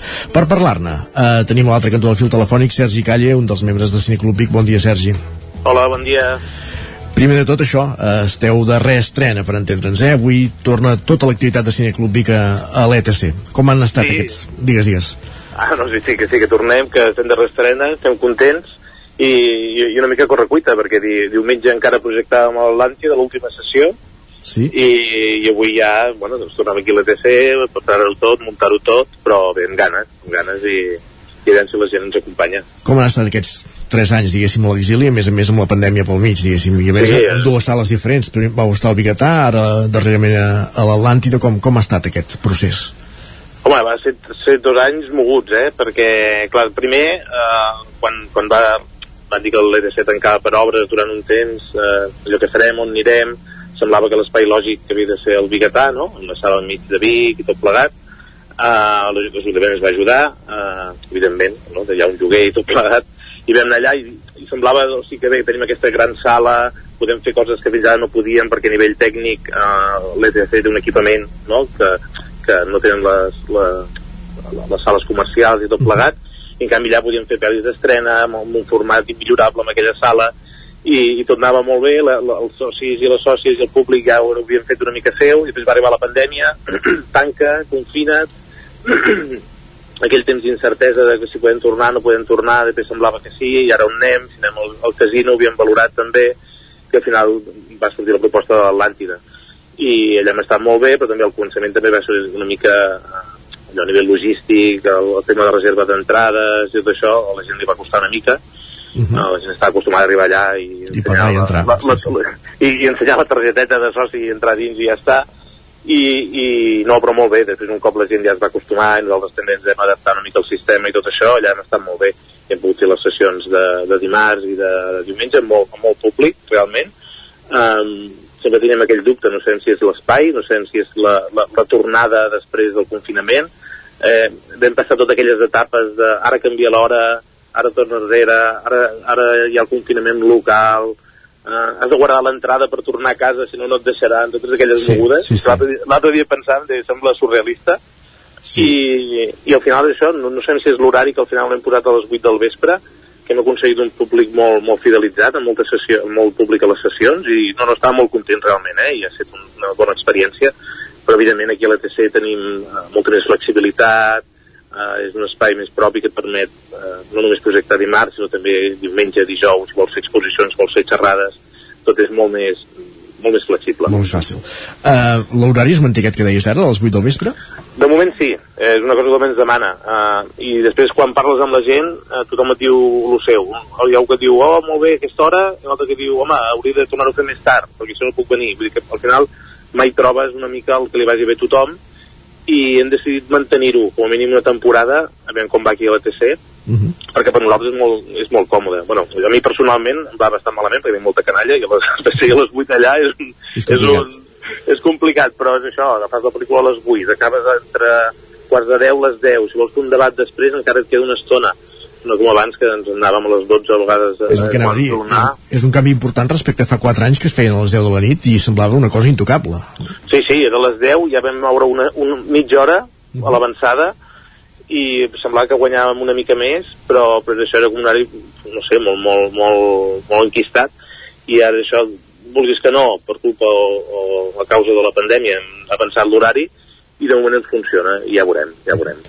Hem començat aquesta entrevista parlant de, de logística, de, de Cineclub Vic, parlem ara ja una mica més de, de contingut de, de la programació, abans però un detall també, perquè eh, aquí a l'ETC una de les coses que voleu recuperar és la projecció amb la màquina de 35 mil·límetres, tenint en compte que queden molt poques cintes de, amb aquest format, no? Sí, eh, una de les coses que, que vam perdre precisament deia, deia això d'anar al Bigatà, no? El Bigatà té el DCP, que és el format estàndard del cinema comercial i tot això, que aquí a l'ETC no el tenim, uh -huh. però, però sí que vam perdre la, la, la màquina de 35, que eh, aquí a l'ETC és de la... Bueno, el Cineclub Vic és dels únics cineclubs que en té encara una i, i segurament els únics, poques sales a Catalunya que n'hi ha hi ha dos o tres que tenen encara 35 i tot el que podem, tot, sobretot de clàssics eh, intentem fer un 35 perquè no sé, pensem que és com el, el, el format més, més cinematogràfic per fer cinema. I sí que hi ha no és que hi hagi poc material però sí que està molt reduït a, a recuperació de, de clàssics i coses d'aquest tipus. Hi ha una, eh, hi ha una distribuïdora que és Classic Films que edita i restaura i té còpies molt noves, vull dir, no és allò que diguis, no, un 35 vol dir que és una pel·li que té 30 anys, a vegades sí, eh? Sinó a vegades són còpies noves, i la qualitat és immillorable, i, i intentem cada cicle intentar col·locar-ne algunes. El que dèiem ara, si parlem de programació, eh, parlàvem de 33 projeccions des d'ara fins al juny, i la primera és aquesta First Code, una pel·lícula americana del 2019 de, de Kelly Richard, com dèiem, un dels cineastes independents més valorats a, als Estats Units, una bona carta de presentació per la nova temporada, no? Sí, nosaltres sempre la primera pel·lícula intentem que sigui aquella eh, una mica, la pel·li aquella amable, que a tothom li agrada, després ja anem a coses més atrevides, una mica més extremes, coses que a vegades hi ha un públic que, que vol una cosa més moderna i un altre que vol una cosa més clàssica, però jo crec, pensem aquesta First Cow és, és, és aquesta pel·lícula així íntima, western, molt cinematogràfica, però també una mica pausada, una mica amable, que et deixa, deixa bon, bon gust, no? I bon sabor de boca i dius, home, la setmana que ve tornarem.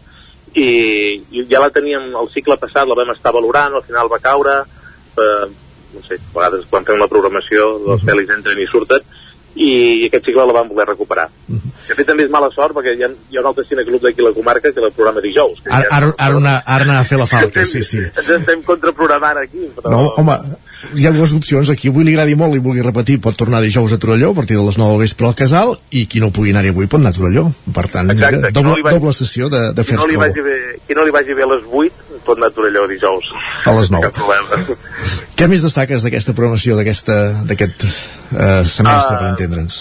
Tenim, tenim títols eh, així de tota aquesta part de eh, novetats de, novetats de temporada més o menys, eh, de l'any 2019-2021 eh, recuperem coses xules hi ha la nova de Paul Verhoeven eh, tenim Petit Mamant que és una nova de Silenciama que és molt bona la vam provar pel Dia de la Dona coses més rareses, tipus Espíritu Sagrado que col·laborem amb el Festival Americana cada any i fem una pel·lícula que es diu Shiva Baby, una comèdia així jueva, molt negra, molt fosca, una òpera prima.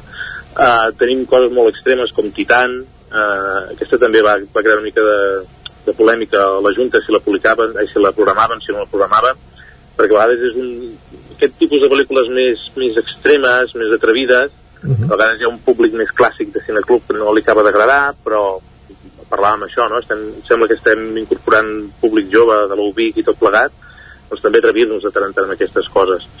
Després tenim tres sessions de, de 35, com deien, que les hem dedicat a fer un minicicle de Sant Pequimpa, que també feia dies que el volíem fer, i farem Grupo Salvaje, La Huida i Quiero la cabeza d'Alfredo García. Serà en 35 i serà un espectacle de totes elles veure-la en pantalla gran i en fi, una mica tot això.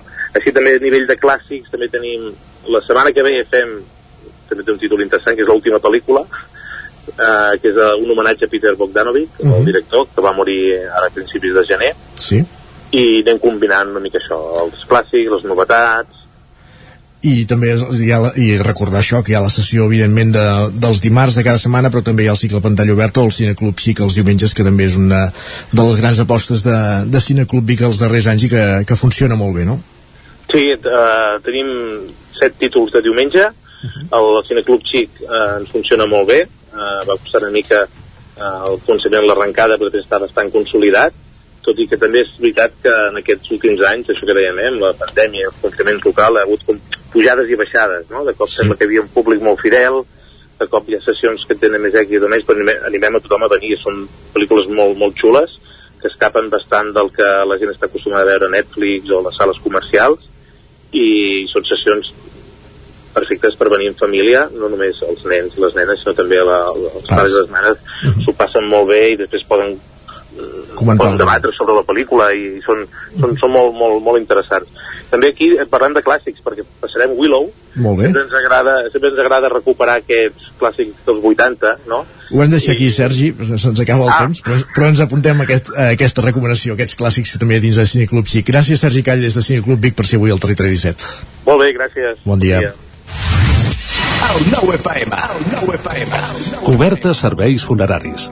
Els nostres tanatoris estan ubicats en els nuclis urbans més poblats de la comarca d'Osona per oferir un millor servei. Tanatori de Vic, Tanatori de Manlleu, Tanatori de Centelles i Tanatori de Roda de Ter. Sabem que són moments difícils i per això el nostre compromís és atendre-us en tot moment amb un tracte humà, sensible i respectuós. Cobertes serveis funeraris. Telèfon 24 hores 93 883 23 46. A la rostisseria El Plat ens agrada la cuina de sempre, la de les àvies i de les mares. La cuina feta amb paciència com s'ha fet tota la vida. Vine a provar els nostres canelons gruixuts o els croquetons, les nostres croquetes de 80 grams. I recupera el gust del pollastre a com els que es menjaven abans. Ah, i aprofita fins a finals de febrer 20% de descompte en els canelons i el pollastre. Rostisseria El Plat, encàrrecs fins a les 12 del migdia i servei a domicili. Ens trobaràs de dijous a diumenge al carrer Església número 6 de Taradell o al 93 130 35 58 85. Cefusol, centre de formació de soldadura GURB. Som especialistes en processos de soldadura. Disposem d'instal·lacions totalment equipades per a classes de teòrica i pràctica amb cabines individuals i equipaments de seguretat. Assessorem empreses i oferim cursos subvencionats i bonificats. Vine i t'informarem. Cefusol, som al carrer Sant Roc, número 9 de GURB. Telèfon 664 206 192. També ens trobaràs a cefusol.com i a YouTube. Cocodril Club. Si t'agrada la bona música dels anys 60, 70 i 80, escolta el 9 FM als matins de dissabtes i diumenges d'11 a 1. És el temps del Cocodril Club, tot un clàssic de la ràdio, amb les bases del pop-rock, les llegendes, les cançons que s'han convertit en autèntics himnes. Recorda, dissabtes i diumenges al matí, d'11 a 1, al 9 FM 92.8. Cocodril Club, el programa revival de l'Albert Malla.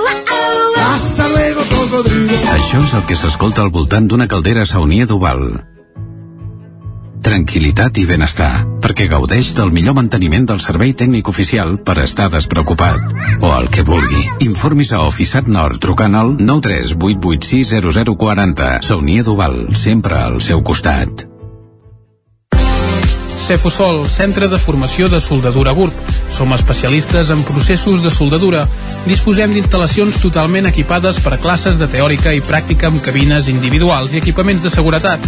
Assessorem empreses i oferim cursos subvencionats i bonificats. Vine i t'informarem. Cefusol, som al carrer Sant Roc, número 9 de GURB. Telèfon 664 206 192.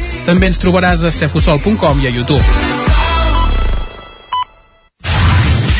El 9 FM. El 9 FM. En punt ara mateix dos quarts d'onze al territori 17.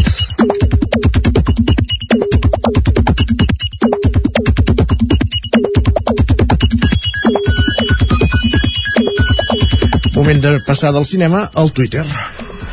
I com sempre, per passar del cinema al Twitter, bé, no sempre passem del cinema al Twitter, però vaja, per anar cap al Twitter sí que tenim en Guillem Sánchez, que ja el tenim aquí als estudis del nou FM. Guillem, molt bon dia. Hola, bon dia, com estem? Ens parlaràs de cinema avui o no? Uh, no, parlarem de Covid, parlarem de menjar i parlarem de migdiades. De tot se'n poden fer pel·lícules, eh? Sí, també, també se'n poden fer pel·lícules de tot. No, però em quedo amb això de les migdiades, poder, eh? si hem de triar, però, però va, per on arrenquem? Que... Doncs va, comencem per aquest comunicat que ha fet uh, recentment la Ciutat Catalana de Pediatria que reclama que retirin progressivament totes les restriccions anticovid a escoles i activitats de, de lleure. Diuen que hauria de ser una manera per tal que no hi hagués tanta preocupació pels efectes negatius d'aquestes mesures en els infants. D'aquesta manera potser s'evitarien situacions com la que ens escriu en Roger. A veure, diu, avui un nen m'ha dit que no va venir la setmana passada perquè tenia la Covid i li diu, i què has fet aquests dies a casa? Diu, anar a esquiar. Els nens i els borratxos sempre diuen la, la veritat. Hòstia, aquest és brutal, eh? La família, sí, sí, visca la Covid. O, per exemple, o, o un altre exemple que també ens comparteixen en els comentaris diu, mitja escola de la meva filla i tota la seva classe confinada. Quan tornen una nena ho fa perquè acaba de donar... No, perdó, una nena no ho fa perquè acaba de donar positiu.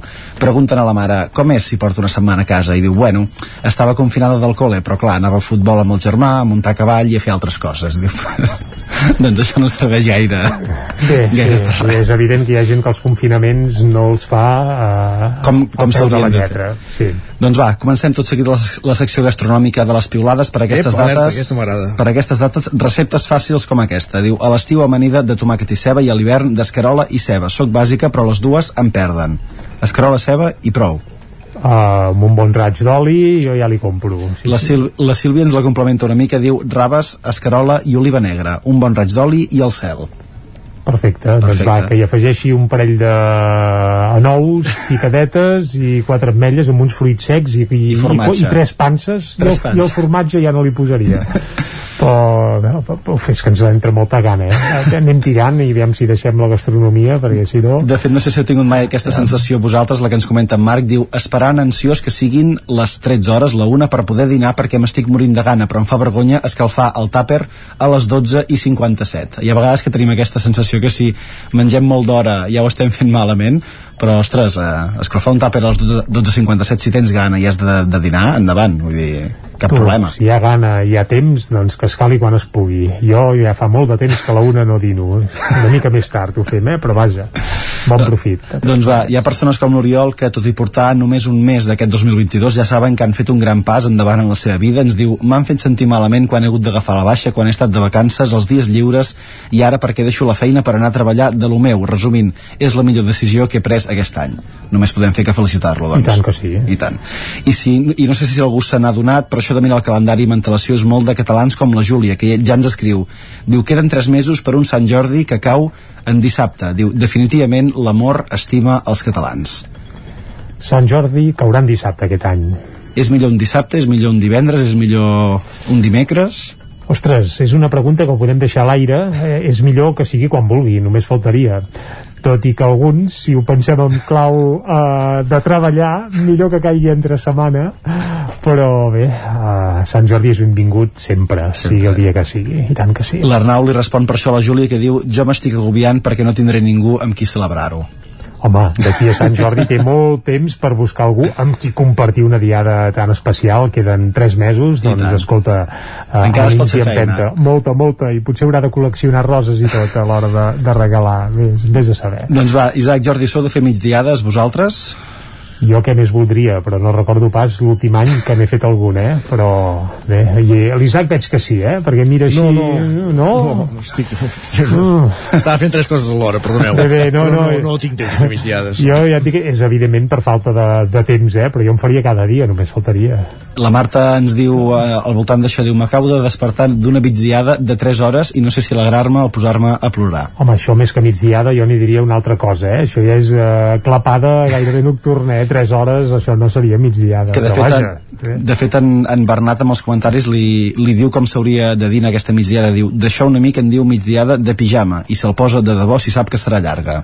I això ja és eh, el súmum del súmum, eh? Posar-se el pijama per anar a fer la, la migdiada, això ja, jo no havia... Alguns no ens el posem ni per anar a dormir, ja no parlo de la migdiada, però vaja. Va, per acabar, parlant de pijames, ahir no ens vam poder anar a dormir fins que es va tancar el mercat de fitxatges de, de futbol, sabeu que era l'últim sí. dia, el Barça ja té un gran nou jugador. Ja hem parlat i eh, sí, sí. costa eh, dir el nom d'aquest xicot, sí. a, a mi m'ha costat, eh, quan hem repassat portades Jo l'única cosa destacada que he trobat és que el Barça eh, ha cedit Iñaki Penya i per tant guanya galons el porter usonenc Arnautenes. L'Arnautenes també, Exacte, sí, sí. que també exacte, usonenc com en juglar, per exemple sí, sí. Les condicions en què arriba per això aquest nou fitxatge, per exemple, no agraden gaire a Mandani, que diu l'Arsenal no el vol, recorda molt el cas Coutinho, tant de bo m'equivoqui, i l'Andreu ens fa una definició que m'encanta. Diu, menys Henry, tot el que ha vingut de l'Arsenal ha estat horrorós. En aquest mercat d'hivern haurem fitxat una davantera sencera, amb la Dama, l'Obameyang i en Ferran Torres. Diu, en Luke de Jong ha d'estar enfonsat i en Braithwaite plegant bé la roba perquè li entri tot en tres maletes. Bé, el que està clar és que no ha costat aquest nou fitxatge el que va costar Coutinho. És que ja només faltaria. En aquest ja, sentit, no, no, és ja que ja seria un delicte, que això sí que seria delicte. Seria per denunciar algú també, directament. Uh, va, doncs de moment no denunciem ningú, direm moltes gràcies.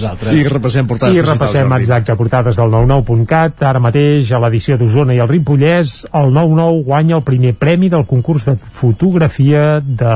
La CPC. De la CPC, amb un reportatge sobre els pisos de Can Garcia de Manlleu. Aquesta és la primera informació que apareix a la portada del 99.cat d'Osona i el Ripollès. També la sequera d'aquest hivern deixa sau a la meitat de la seva capacitat i les estafes per internet s'han duplicat a Osona en els últims 5 anys. Anem cap al Vallès Oriental, el 99.cat ara mateix obre explicant que la mitja marató 2022 ja supera els 4.000 inscrits i també l'ANC de Sant Fos de Camp Centelles ret homenatge als republicans del poble morts durant la Guerra Civil. També Granollers instal·larà plaques fotovoltaiques a la coberta de la pista de Can Massa. Doncs prenem nota de tot plegat, gràcies Jordi també, i Res. entrem cap a la taula de redacció.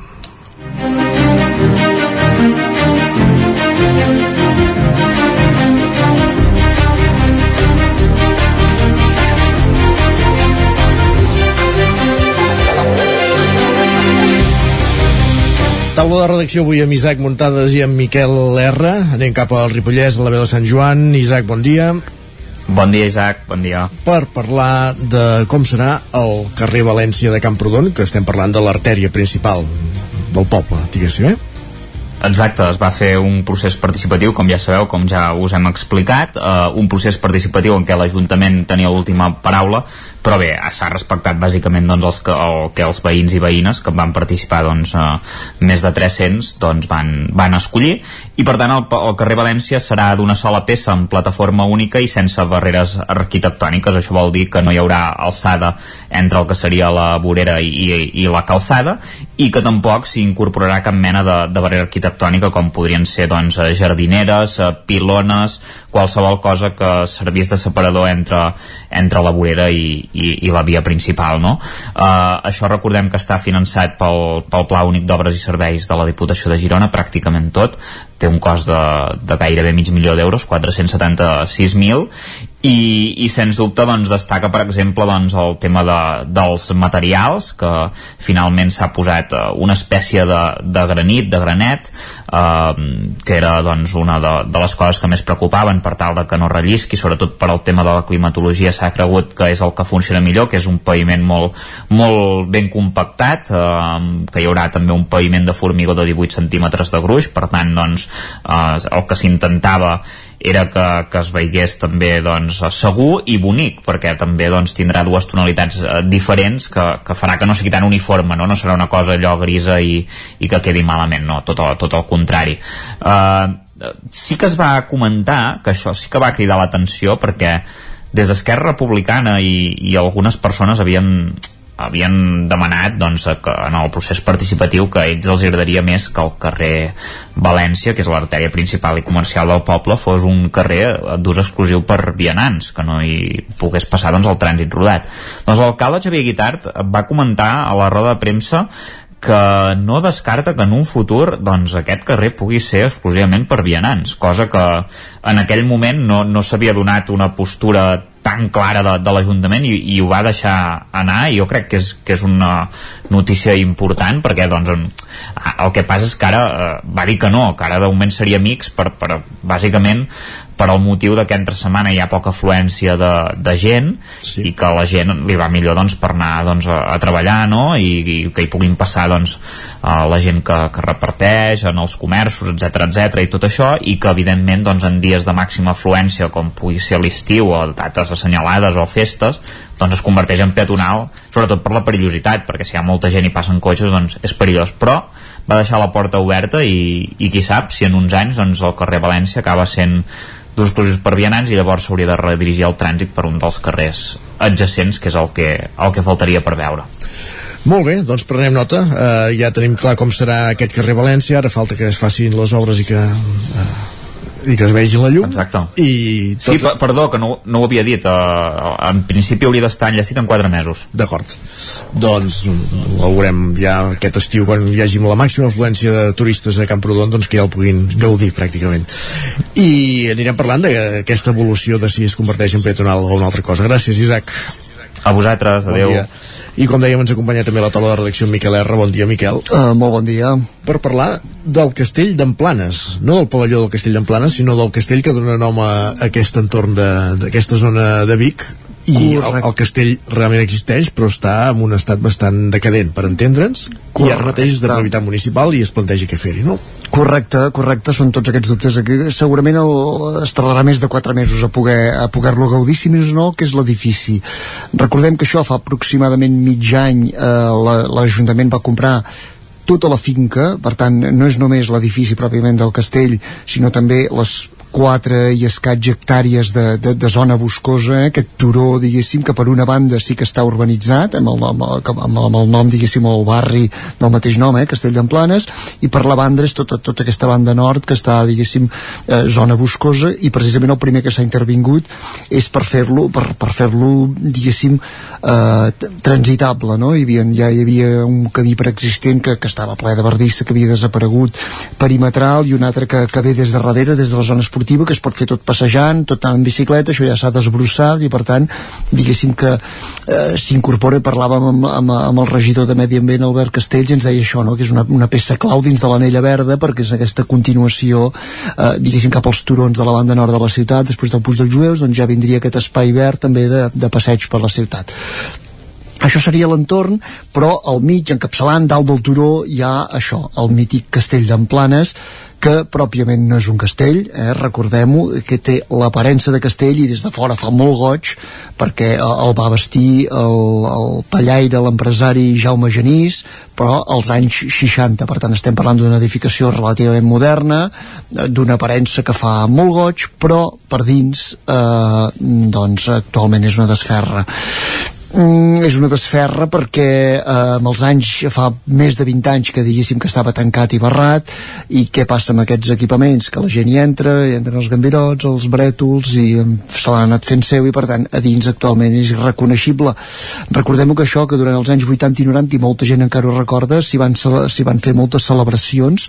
Eh, per exemple molta gent s'hi va casar no? I, i segurament que quan va veure la imatge ara de dins devia quedar parat perquè tot el que era un, això, un, un cert punt ostentós de la part de dins, amb unes columnes. Recordem que és, que és, que és una edificació així que està feta amb una mica de, amb un poti-poti d'elements arquitectònics de, de diferents procedències però ja dic que tenia que feia el seu impacte i feia el seu goig. Eh, actualment està això, completament en estat d'abandonament i per tant eh, l'Ajuntament ara ha de decidir una mica què hi fa dins mm, què s'hi podria fer? suposo que el debat ara en aquest moment l'equip de govern és eh, d'una banda no posar-hi eh, segons quina activitat que porti que, que fos molt concorreguda hem de mhm. recordar que, la, que l'accés per accedir aquí eh, la, la, la prioritària es passa sobretot pel mig de l'urbanització per tant tampoc interessa tornar-ho a convertir eh, en un lloc de, molt de pas mm, jo diria que precisament un dels motius pels quals eh, això que fins, ja dic, fins fa mig any era privat eh, va deixar de ser un equipament per, per events i per celebracions.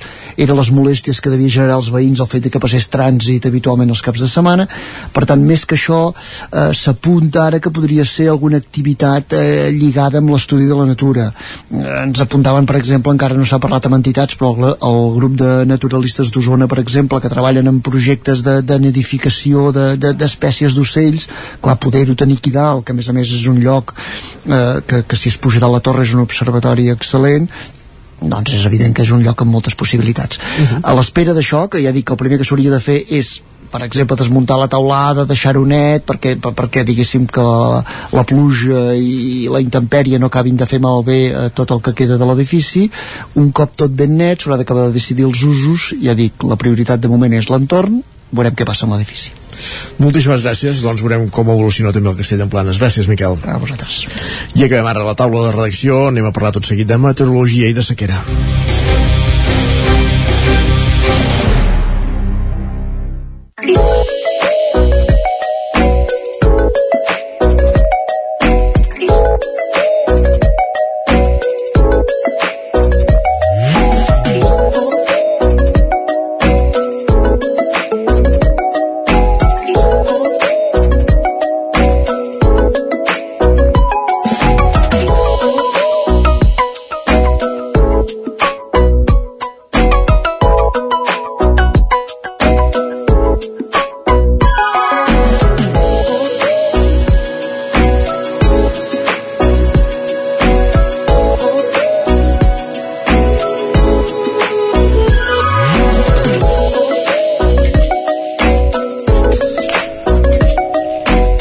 Quarts i un minut d'onze del matí, moment de parlar de meteorologia, com hem avançat a l'inici del programa. Un cop al mes, ja ho sabeu, ens acompanya en Manel Dot, de la xarxa d'observadors meteorològics de la comarca d'Osona per avaluar com ha estat el darrer mes meteorològicament parlant.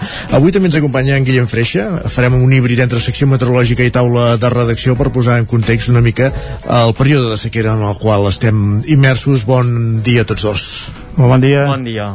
Manel, primer de tot, eh, el gener es resumeix ràpid o, o no? O hi ha coses a tenir en compte de característiques d'aquest mes de gener oh. tan eixut, per entendre'ns? Home, ha estat avorrit meteorològicament parlant, però també ha estat distret, perquè les temperatures de nhi la baixada que hem tingut, i tot i que no és uh, un, un mes de gener no és el més fred uh, del que hem tingut hem tingut dates de més baixos home, tenim eh, dades per exemple de, de 18 sota 0 18,2 sota 0 anys, en, anys enrere per exemple eh, un, dels, un dels freds que potser s'assemblaria més en aquest d'aquí i no fa massa per això és de fa dos anys, el 2019 eh, també es va arribar doncs, a temperatures molt baixes i molts dies seguits. Però aquest, eh, déu nhi o sigui, jo, aquest jo, jo el podria qualificar el, el primer dia, per exemple, a finals de desembre l'últim dia de desembre i el primer de gener doncs eh, anava a dir quasi història perquè hi ha punts que va fer rècord de temperatures màximes, màximes que eren inusuals en un mes de, de gener o finals de desembre i la resta a partir d'aquí baixar de vall, temperatures va ploure res, dos dies eh, poca aigua perquè portàvem el que és la plana de Vic el que és el Moianès res, 1, 2, 3, 4 litres destacar de la banda sud de la comarca eh, que per exemple Centelles que van caure 9,2 litres en van caure 12 a Viladrau 12 a Espinelves eh, 10 hostalets 10,4 hostalets de Balanyà però la resta ja res, en Manlleu 2,8 en fi, eh, la resta ja inferior als 3 litres. Boira piscinera com a molt en alguns casos, no? I encara ni així, eh, perquè de boires hem tingut 4 dies.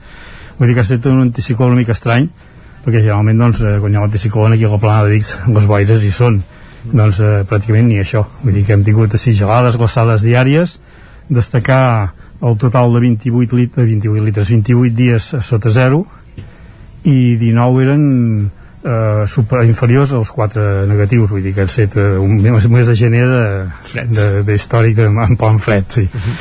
i això s'hi suma que ja venim d'un període que, que no plou, Guillem Mhm. mm. i eh, eh, aquest dilluns el 9-9 publicàvem aquesta informació de, de la sequera que deixa el pantà de Sau a la meitat de la seva capacitat, diguéssim no? Sí, també un, un tema treballat amb, amb la gent de, de Meteozona, amb, amb dades que també ens va facilitar en, en Manel, i, i ens deia, ens comentava aquestes informacions que ara ens, ens transmetia de, de les dades meteorològiques i també apuntava eh, aquesta situació de sequera, eh, que tot plegat, eh, diguem, la, el tema més preocupant és la, la sequera, aquesta sequera que, que s'allarga ja eh, forces eh, setmanes i això ha tingut conseqüències en el pantà de Sau de forma molt, molt visible. Eh, realment ha anat baixant eh, força ràpid en els últims mesos i la sequera no sé si ens ha de començar a preocupar, Manel, aquestes dades. Eh, Bé, de, de... a veure, el pantà de Sau ha baixat però també hi ha un altre, un altre tema a discutir aquí, no? que també suposo que per fer energia també en van baixar perquè estava el preu, uh Mhm. -huh. el preu a l'aire no?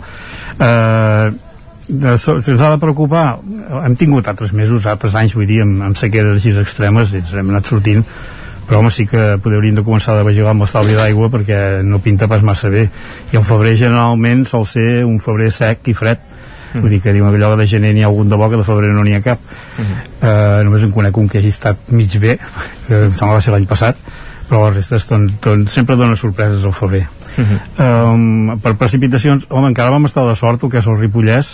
Uh, els dies que va ploure aquest mes ha estat el 10 i el 4 i en allà van caure entre el que és el Ull de Terra va fer una bona nevada perquè van caure 28 litres a la que eren, ara de memòria i el que és el, el, en pot Molló també però la resta ja tot inferior.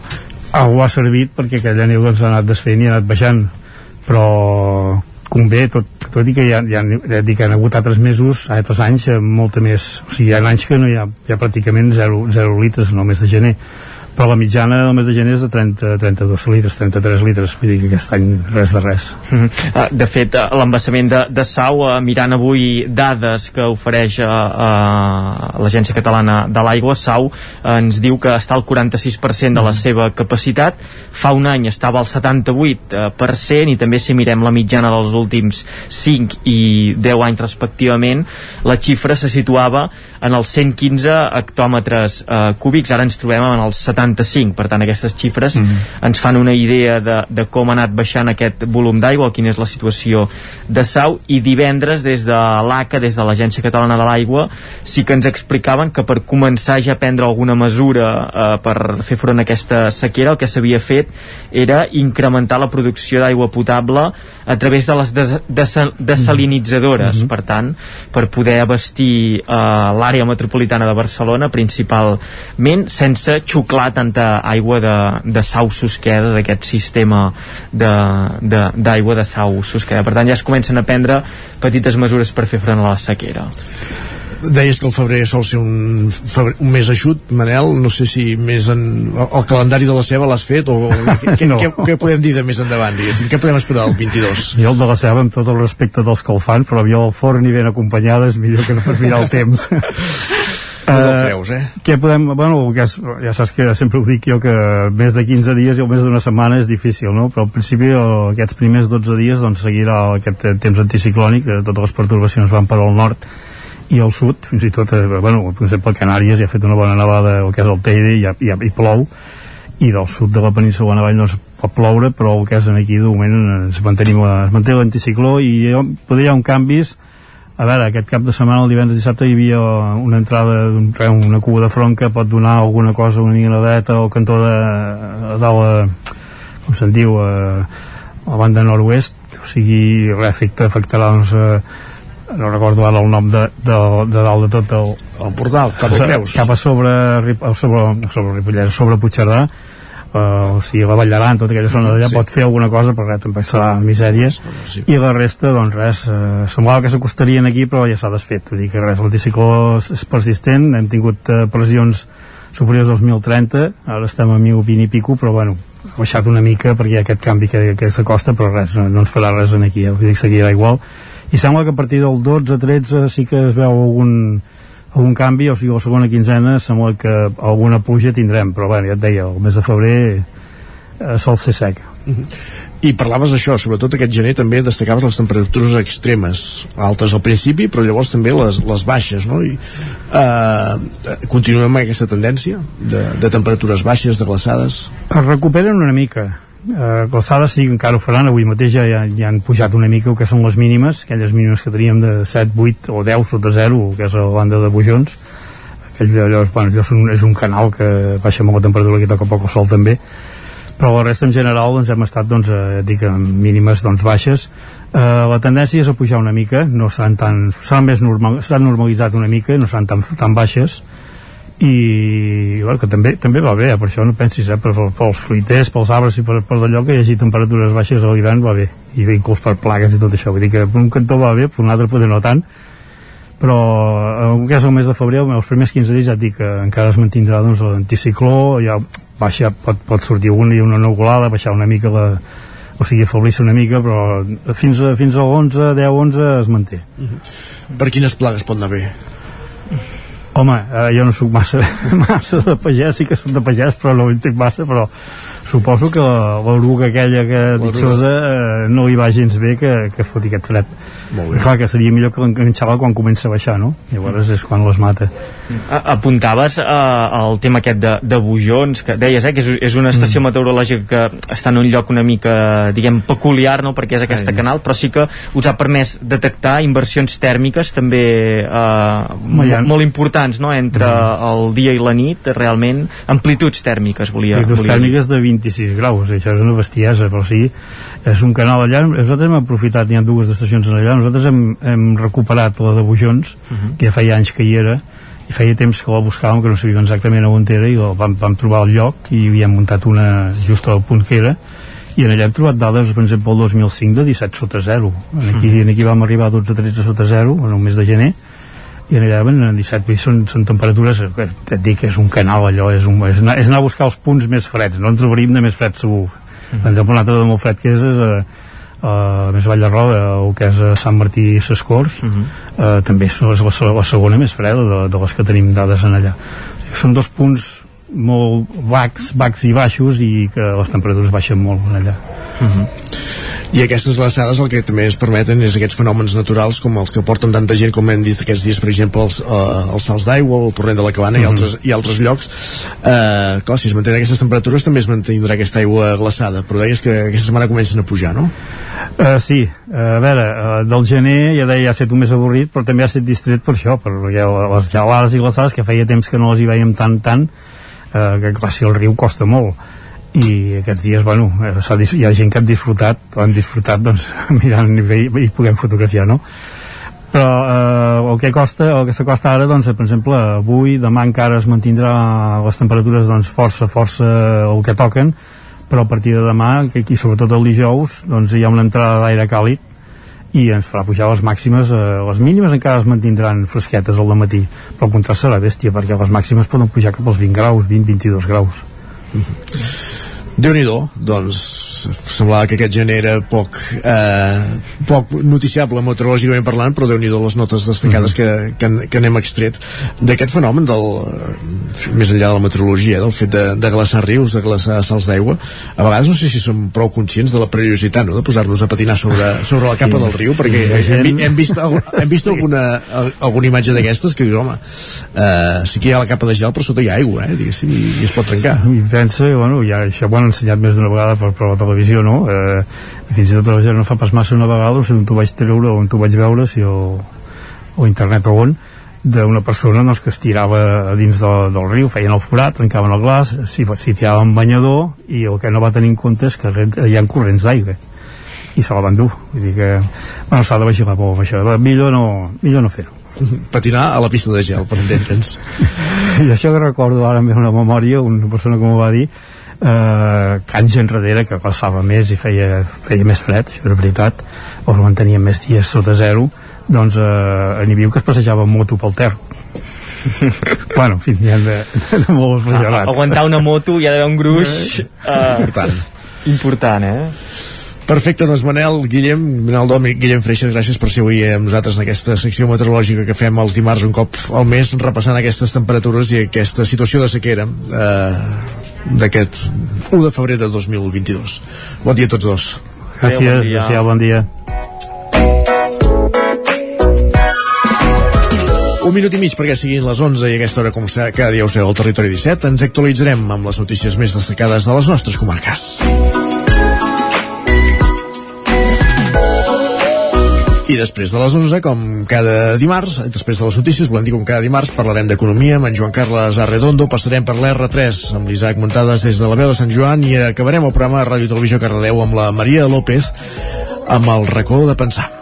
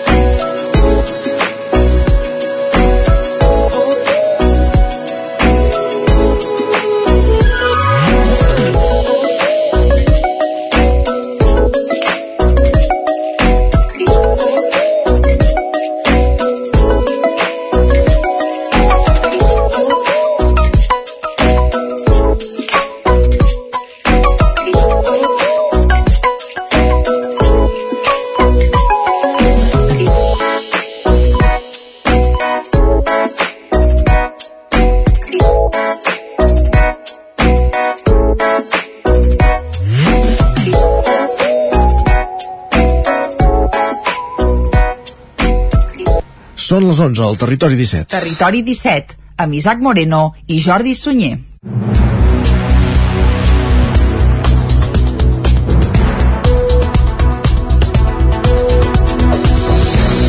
Aquesta hora és moment d'actualitzar-nos, de posar-nos al dia amb les notícies de les nostres comarques, el Ripollès, Osona, el Moianès i el Vallès Oriental. Comencem al Ripollès, perquè el risc de rebrot cau 800 punts en una setmana i la resta d'indicadors del virus també disminueixen. Isaac Muntades, des de la veu de Sant Joan. La sisena onada de la Covid-19 comença a recular al Ripollès, tot i que les xifres encara són força alarmants. Segons el portal web Dades Covid del 20 al 26 de gener, el risc de rebrot se situa en 4.717 punts, una xifra altíssima però que ha caigut més de 800 punts en només una setmana. La taxa de propagació del virus URT torna a estar per sota de l'1 i ja és de 0,94. El nombre de casos positius detectats també comença a reduir-se i passa dels més de 680 que hi havia fa una setmana a 553. De les poc més de 2.300 proves PCR i test d'antígens ràpids que s'han fet els darrers dies, gairebé el 14,5% han donat positiu, però fa uns dies la xifra vorejava el 18%. A la comarca ja s'han diagnosticat més de 7.440 casos de la malaltia. També cal dir que des de l'inici de la pandèmia s'han produït 101 defuncions per culpa del virus, coronavirus. En aquests moments, els nens, com que encara no tenen la pauta de vacunació completa, són els que estan patint més els efectes del coronavirus i molts han de fer quarantena. Teresa Franquesa, infermera especialitzada en pediatria de l'àrea bàsica de salut de Ribes Camp de Bànol, explica que cal mantenir uns hàbits saludables, una bona alimentació i una rutina de llevar-se d'hora com si s'anés a l'escola, esmorzar, vestir-se i connectar-se a les classes en línia, però també cal fer activitats mogudes durant la quarantena. Com que no podreu uh, sortir al carrer ni assistir a les extraescolars que fèieu, mireu de trobar una estoneta cada dia per fer alguna activitat moguda que us agradi, per tal de no rovellar-vos uh, estant tanta estona asseguts davant llibres i pantalles. Per exemple, si teniu escales a dins de casa, doncs podeu dedicar una estona a pujar i baixar, podeu ballar si us agrada, o també podeu buscar taules d'exercicis, uh, per exemple, a YouTube. I caram, si podeu fer en, en família, doncs millor, serà més divertit i fareu bellugar tothom. La vacunació segueix a bon ritme al Ripollès i ja hi ha més de 20.600 persones que s'han administrat almenys una dosi de la vacuna, que equival al 81% de la població. També hi ha gairebé 20.000 persones amb la pauta completa i unes 10.800 persones, un 42% dels habitants, que ja se'ls ha administrat la tercera dosi del vaccí. Gràcies, Isaac. L'escola de Muntanyola, més qüestions, va estrenar ahir el nou edifici. El centre havia funcionat en barracons des dels seus inicis, al curs 2007-2008. Ahir va ser un dia ben especial pels 54 alumnes, 8 mestres i tota la comunitat educativa, educativa ja ho direm bé, de Muntanyola. I és que després de gairebé 15 anys funcionant en barracons, l'escola del municipi va estrenar l'edifici nou. Àgata Cabrera i Gil Puntí són dos dels alumnes de l'escola. Pensava que no la podria tindre moltes, mo, molt de temps, però seran dos trimestres i la veritat és que estic molt agraïda per poder estar en aquesta escola que tingui terra radiant, que sigui autosuficient, que és molt gran, que totes les aules estan comunicades i que, bueno, mai hem pogut, no sé, gaudir d'aquesta escola i tenim un altre pati, moltes coses. La jornada d'ahir va servir per descobrir i habituar-se a l'escola nova de 700 metres quadrats, que compta amb quatre aules, una per cada cicle, el menjador, que també fa de sala polivalent, i una biblioteca. Jordi Vila és el director de l'escola de Muntanyola. Aquí ens agrada molt treballar amb grups interactius, compartir una classe amb l'altra, fins ara no podíem, les aules eren molt justes, no teníem espais comuns, doncs això ens permetrà eh, continuar amb el projecte d'escola, que és aquest el treball cooperatiu, i a més a més que els grans ensenyin als petits i que els petits aprenguin dels grans, sobretot. La construcció de l'escola ha estat una de les prioritats de l'actual equip de govern, liderat per Carles Morera, que després de les eleccions de 2019 es va fixar l'objectiu de desencallar el projecte amb el Departament d'Educació. Les obres han tingut un cost de pràcticament 1,4 milions d'euros, 180.000 més del que s'havia previst inicialment, a causa de l'increment de preus en les matèries primeres. Avui mateix començarà la retirada dels mòduls que hi havia fins ara al centre i després es faran treballs que queden pendents a l'exterior del nou edifici. Ho detalla Carles Morera, l'alcalde de Muntanyola. S'anirà urbanitzant el carrer, llavors urbanitzarem tota la zona on hi havia els mòduls, que això té un cost aproximadament d'uns 60.000 euros que els assumeix el Departament d'Educació. I a mateixa zona on urbanitzem també posem una zona, un nou parc infantil. Ens quedaria poder també la zona de pati que és una de les zones que també estem acabant però que eh, el tema Covid tampoc ens hi ha ajudat una brigada de l'Ajuntament i també les famílies van col·laborar dissabte amb els mestres de l'escola en el trasllat del material des dels barracons cap al nou edifici.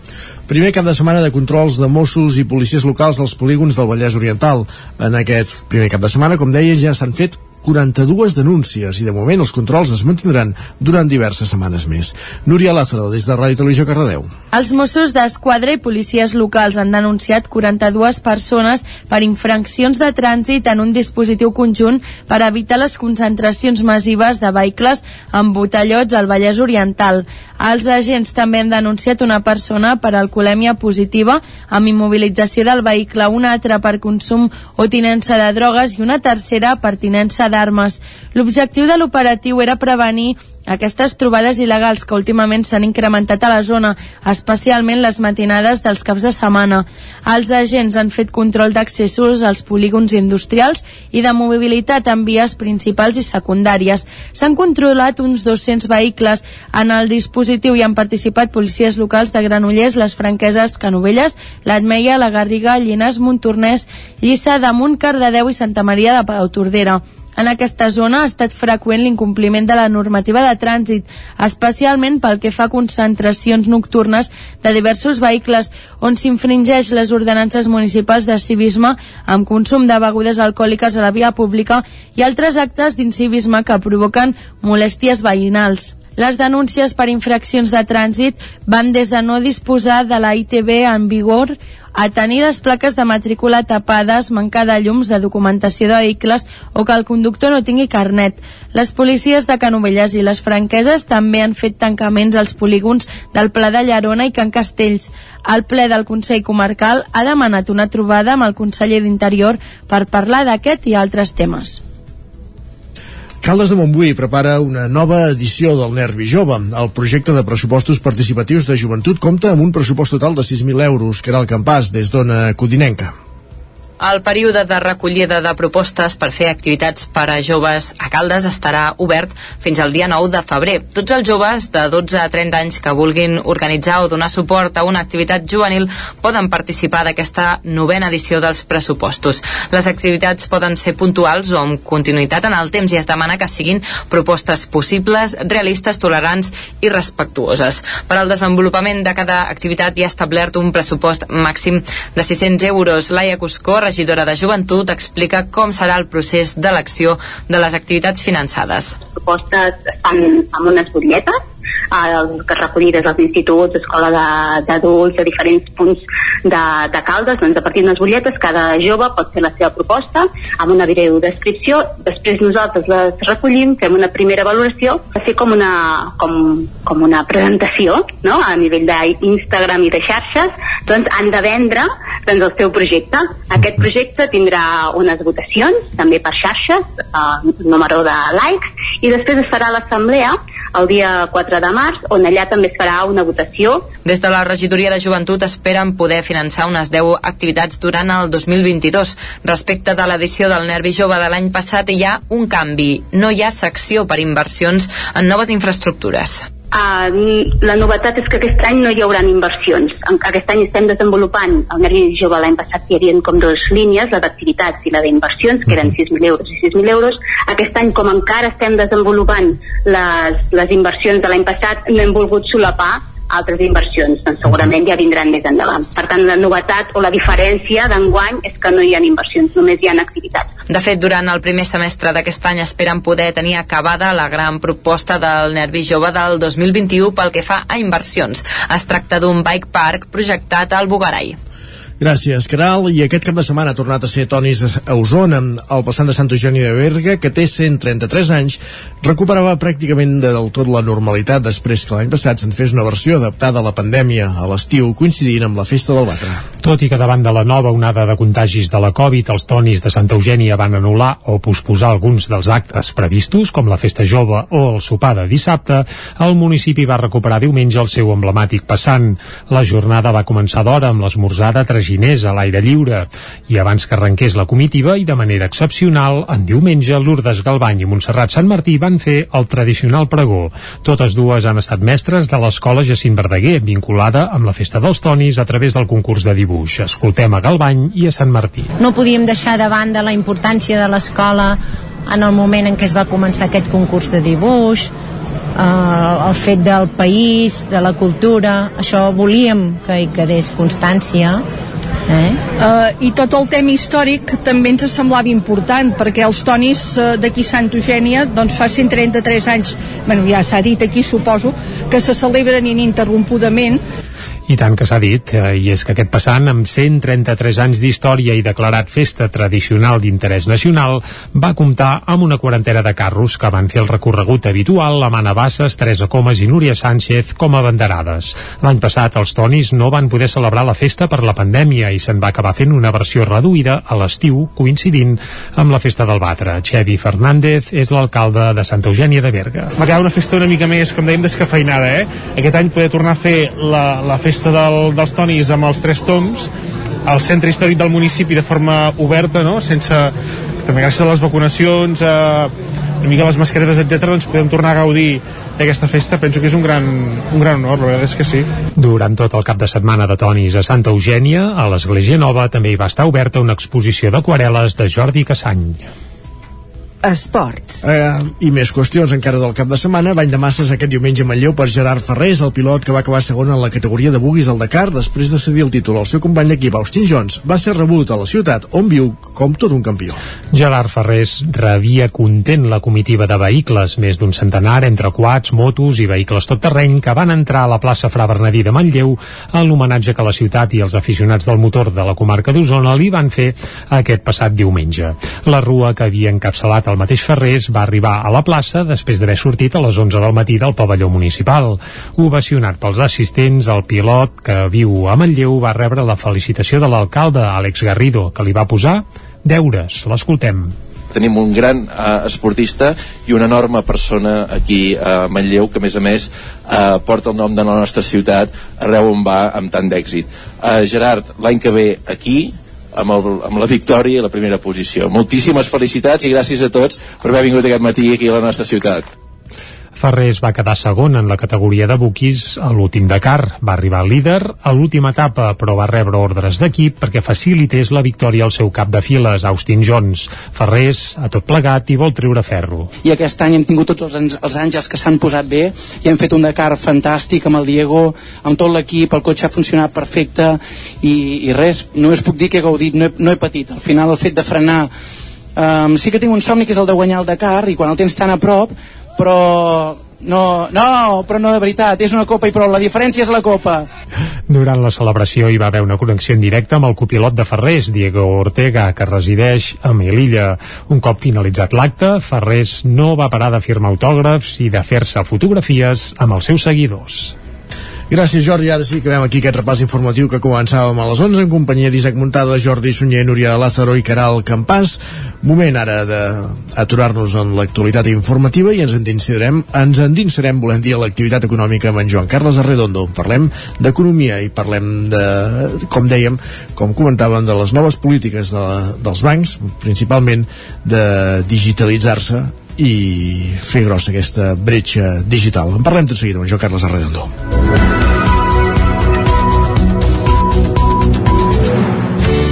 Territori 17. Envia'ns les teves notes de veu per WhatsApp al 646 079 023. 646 079 023. WhatsApp Territori 17.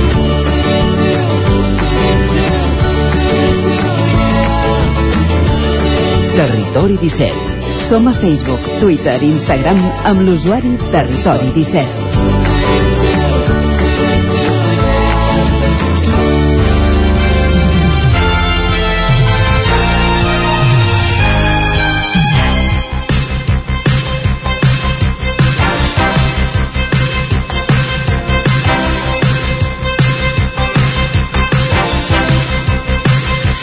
Doncs com dèiem, a l'actualitat econòmica de cada dimarts, a l'espai dedicat a l'economia que fem amb en Joan Carles Arredondo, el cap d'Economia del 9-9 del Vallès Oriental, avui volem parlar del tancament d'oficines bancàries i com això està afectant col·lectius de gent no digitalitzada, principalment poden ser gent gran, però no només. Joan Carles Arredondo, bon dia. Bon dia. Com anem? Bé, bé, doncs eh, ve- veient una mica tot el moviment, després en parlarem, eh, de, de, de, hi ha un moviment a l'Estat que es diu Soc gran, no idiota, sí. eh, que una mica el que posa de manifest és com determinades capes de la societat, sobretot les que no estan digitalitzades, i això inclou eh, principalment doncs, la gent gran, se senten menys tingudes, diguem-ne, per les entitats bancàries de les quals són clients. Eh, el client sempre té la raó, però no sempre és així mm, quan davant hi ha una entitat bancària, no? Això havia de passar algun dia, eh? perquè els bancs han estirat tant el concepte d'eficiència que això, eh? molts clients eh, se senten, s'estan començant a regirar contra el que consideren un abús.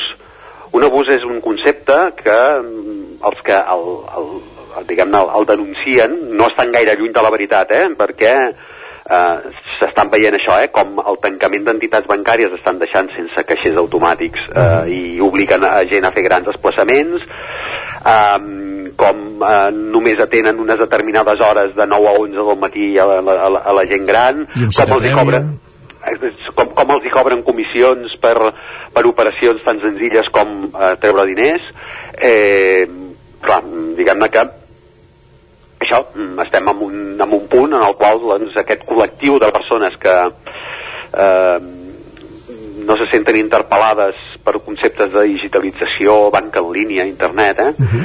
De fet, tampoc en tenen cap obligació de- d'estar-hi familiaritzats, eh? Que es- sembla que, que, que això sigui una obligació i en realitat el que estem fent és això, eh? El que deies deies al principi de, de aprofundir en la bretxa eh, Digital. en la bretxa digital, no? Aquest procés ha estat imparable i hi ha hagut factors, els, divers, els factors han sigut bastant diversos, eh?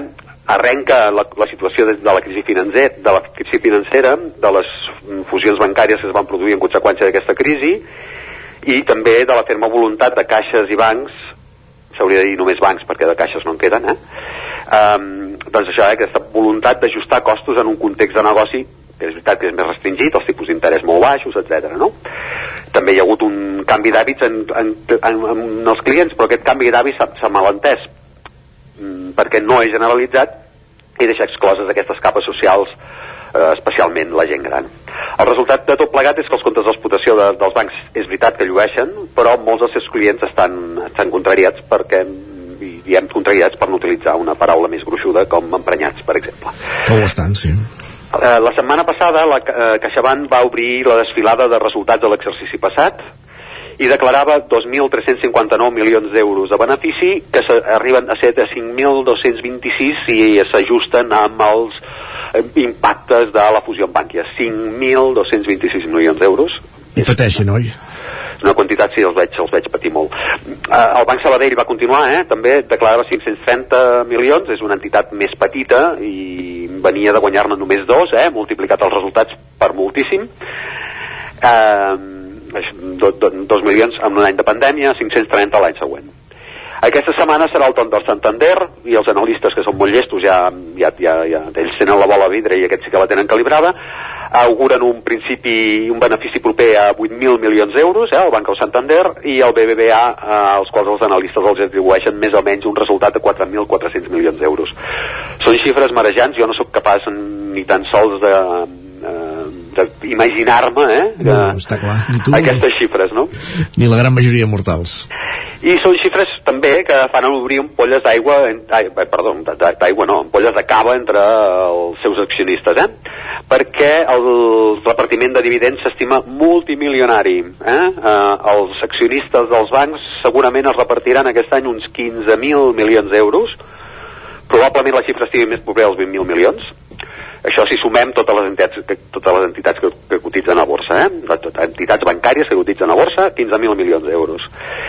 I això ha passat en un any en el qual algunes de les grans entitats de l'Estat han retallat plantilles, una mica per la pandèmia i molt més per la fam de lluir aquests resultats i repartir dividends. Eh? Els ens de reajustament s'han ventilat 19.000 llocs de treball amb un cost estimat, segons un article del diari.es recent, eh, de 4.800 milions d'euros. És a dir, que el que es repartiran de dividends és més que el que s'han gastat a acomiadar 19.000 persones. Mm, Déu-n'hi-do, eh? Vull dir, com, sí, sí. Per, per això dèiem que les xifres són una mica marejants. Força. Què ha significat aquest ajustament? Doncs en part ha significat el tancament, eh, que, deia, el que dèiem, eh, el tancament d'oficines bancàries i això també ha comportat el deteriorament de l'atenció als clients. Eh? Des de la crisi... Ho hem vist, ho hem vist en la nostra pròpia pell, pràcticament eh, tot, les, des de l'estiu ha estat una constant. Anava, sí. anava veient oficines que es tancaven, sobretot en, en nuclis més petits de població, però també a les ciutats grans.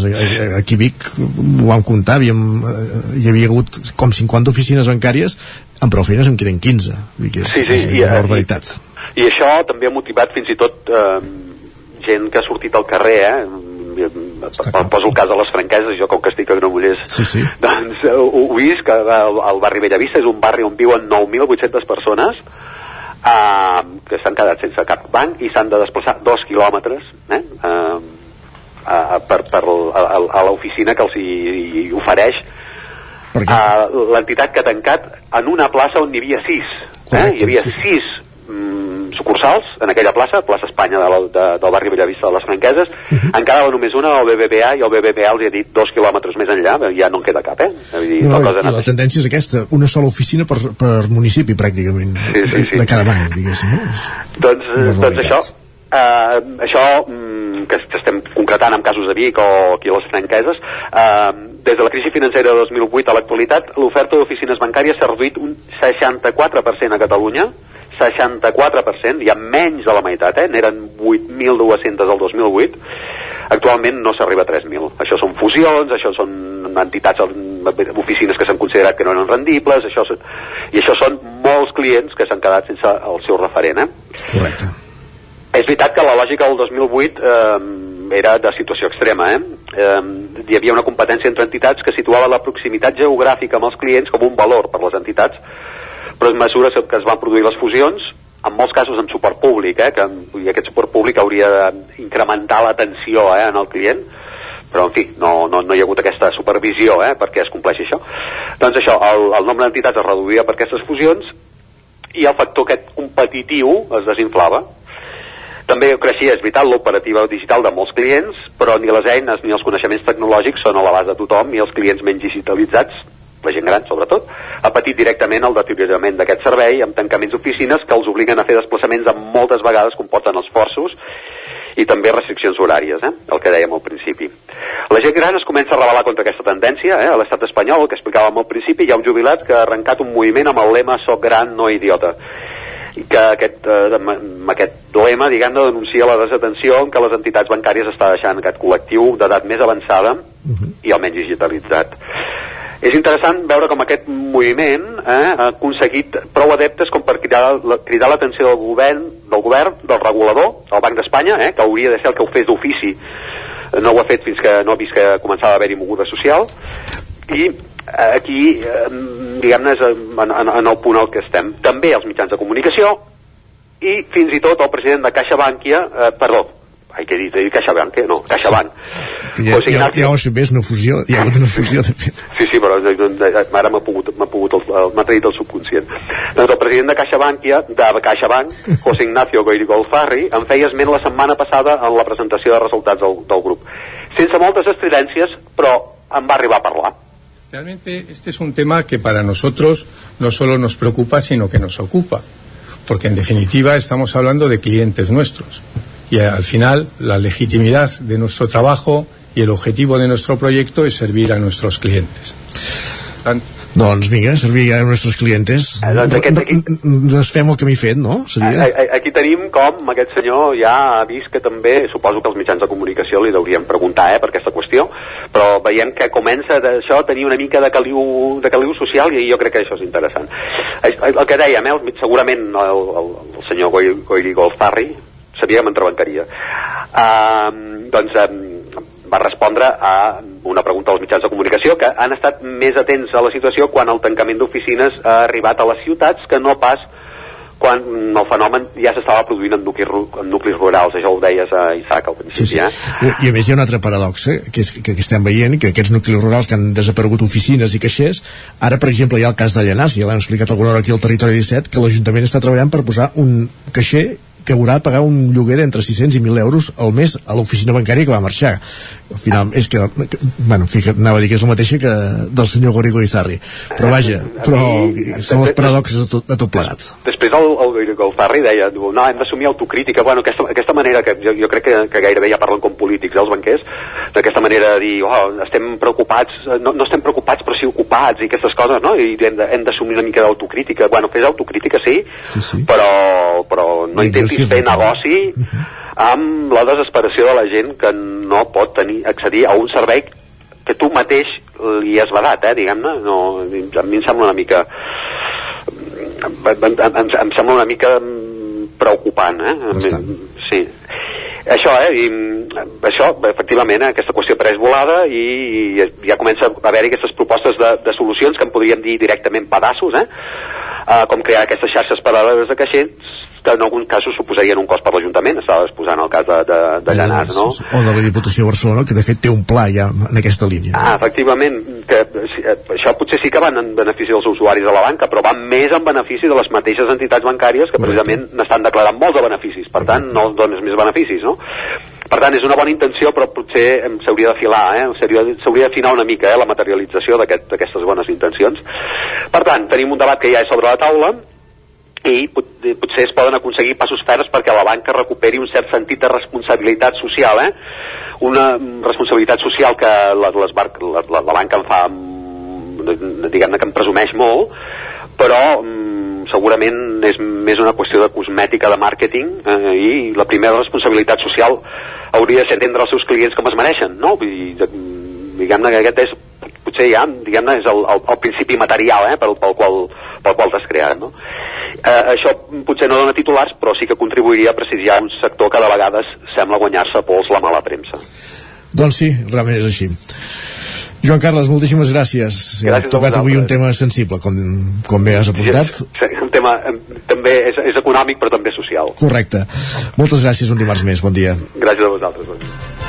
I el que fem tot seguit del territori 17 és una pausa, 3 minutets i tornem. Parlem de trens, deixem enrere els bancs i parlem també de, anirem també al racó de pensar avui sobre la formació emocional de mestres i professors. Com dèiem, una pausa de 3 minuts i continua al territori 17.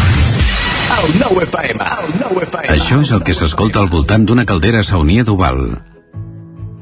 Tranquilitat i benestar, perquè gaudeix del millor manteniment del servei tècnic oficial per estar despreocupat. O el que vulgui. Informis a Oficiat Nord trucant al 938860040. Saunia d'Oval, sempre al seu costat. Cefusol, centre de formació de soldadura GURB. Som especialistes en processos de soldadura. Disposem d'instal·lacions totalment equipades per classes de teòrica i pràctica amb cabines individuals i equipaments de seguretat. Assessorem empreses i oferim cursos subvencionats i bonificats. Vine i t'informarem. Cefusol, som al carrer Sant Roc número 9 de GURB. Telèfon 664 206 192. També ens trobaràs a cefusol.com i a YouTube. Cobertes serveis funeraris. Els nostres tanatoris estan ubicats en els nuclis urbans més poblats de la comarca d'Osona per oferir un millor servei. Tanatori de Vic, Tanatori de Manlleu, Tanatori de Centelles i Tanatori de Roda de Ter. Sabem que són moments difícils i per això el nostre compromís és atendre-us en tot moment amb un tracte humà, sensible i respectuós. Cobertes serveis funeraris. Telèfon 24 hores 93 883 23 46. A la rostisseria El Plat ens agrada la cuina de sempre, la de les àvies i de les mares. La cuina feta amb paciència com s'ha fet tota la vida. Vine a provar els nostres canelons gruixuts o els croquetons, les nostres croquetes de 80 grams. I recupera el gust del pollastre a com els que es menjaven abans. Ah, i aprofita, fins a finals de febrer, 20% de descompte en els canelons i el pollastre. Rostisseria El Plat, encàrrecs fins a les 12 del migdia i servei a domicili. Ens trobaràs de dijous a diumenge al carrer Església número 6 de Taradell o al 93 135 58 85. Cefusol, centre de formació de soldadura GURB. Som especialistes en processos de soldadura. Disposem d'instal·lacions totalment equipades per a classes de teòrica i pràctica amb cabines individuals i equipaments de seguretat. Assessorem empreses i oferim cursos subvencionats i bonificats. Vine i t'informarem. Cefusol, som al carrer Sant Roc número 9 de GURB. Telèfon 664 206 192. També ens trobaràs a cefusol.com i a YouTube. Cocodril Club. Si t'agrada la bona música dels anys 60, 70 i 80, escolta el 9 FM als matins de dissabtes i diumenges d'11 a 1. És el temps del Cocodril Club, tot un clàssic de la ràdio, amb les bases del pop-rock, les llegendes, les cançons que s'han convertit en autèntics himnes. Recorda, dissabtes i diumenges al matí, d'11 a 1, al 9 FM 92.8. Cocodril Club, el programa revival de l'Albert Malla. Hasta luego, cocodrilo. El nou FM, el nou FM, el nou FM. Territori 17. A Tren d'Alba. Cada dia els usuaris de la línia R3 de Rodalies que veuen sortir el sol des d'un vagó ens expliquen les gràcies i les penes del primer comboi que uneix Ripoll i Barcelona.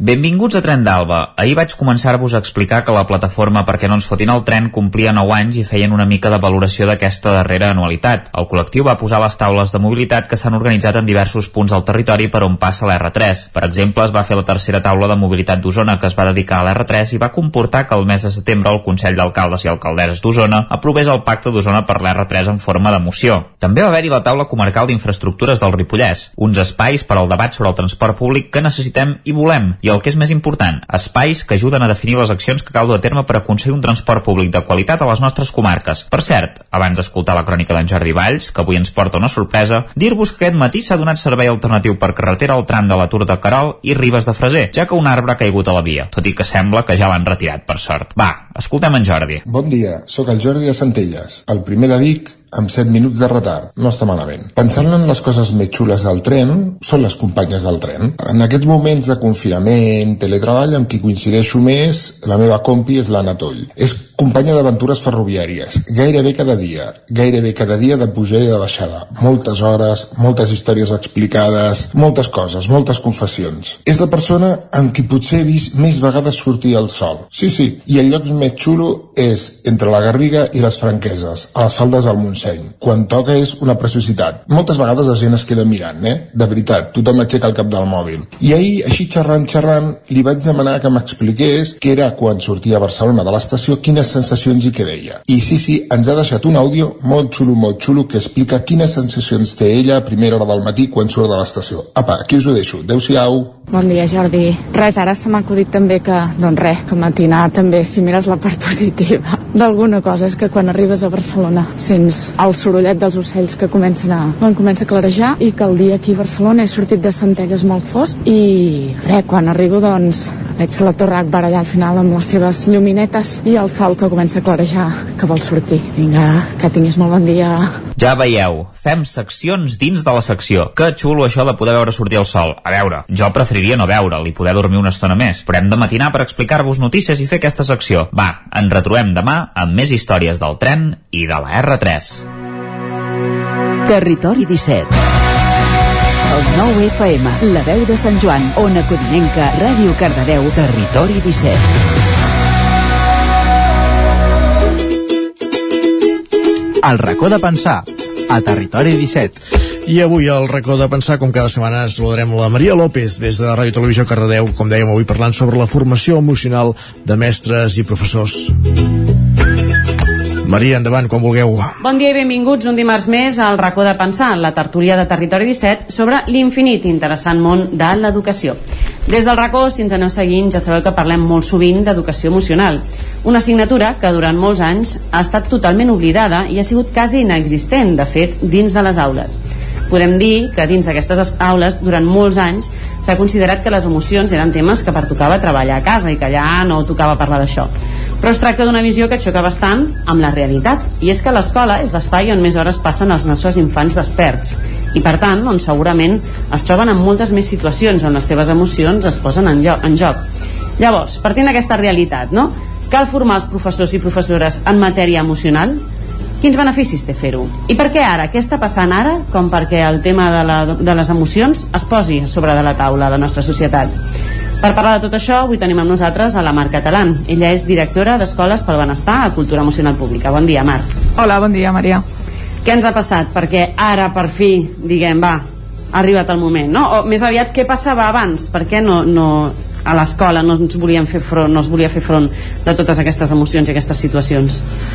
Doncs passaven moltes coses i és que una de les tasques que tenia claríssima el docent i la docent és que havia de fomentar un aprenentatge però més aviat tenint en compte que és un ensenyament és a dir, traslladar els coneixements i fer un aprenentatge sobretot cognitiu i al llarg d'aquests anys s'ha demostrat que perquè hi hagi mm, aprenentatge i que sigui, encara que sigui només cognitiu, hi ha d'haver una base emocional sana, una base emocional que estigui tranquil·la, relaxada perquè pugui absorbir.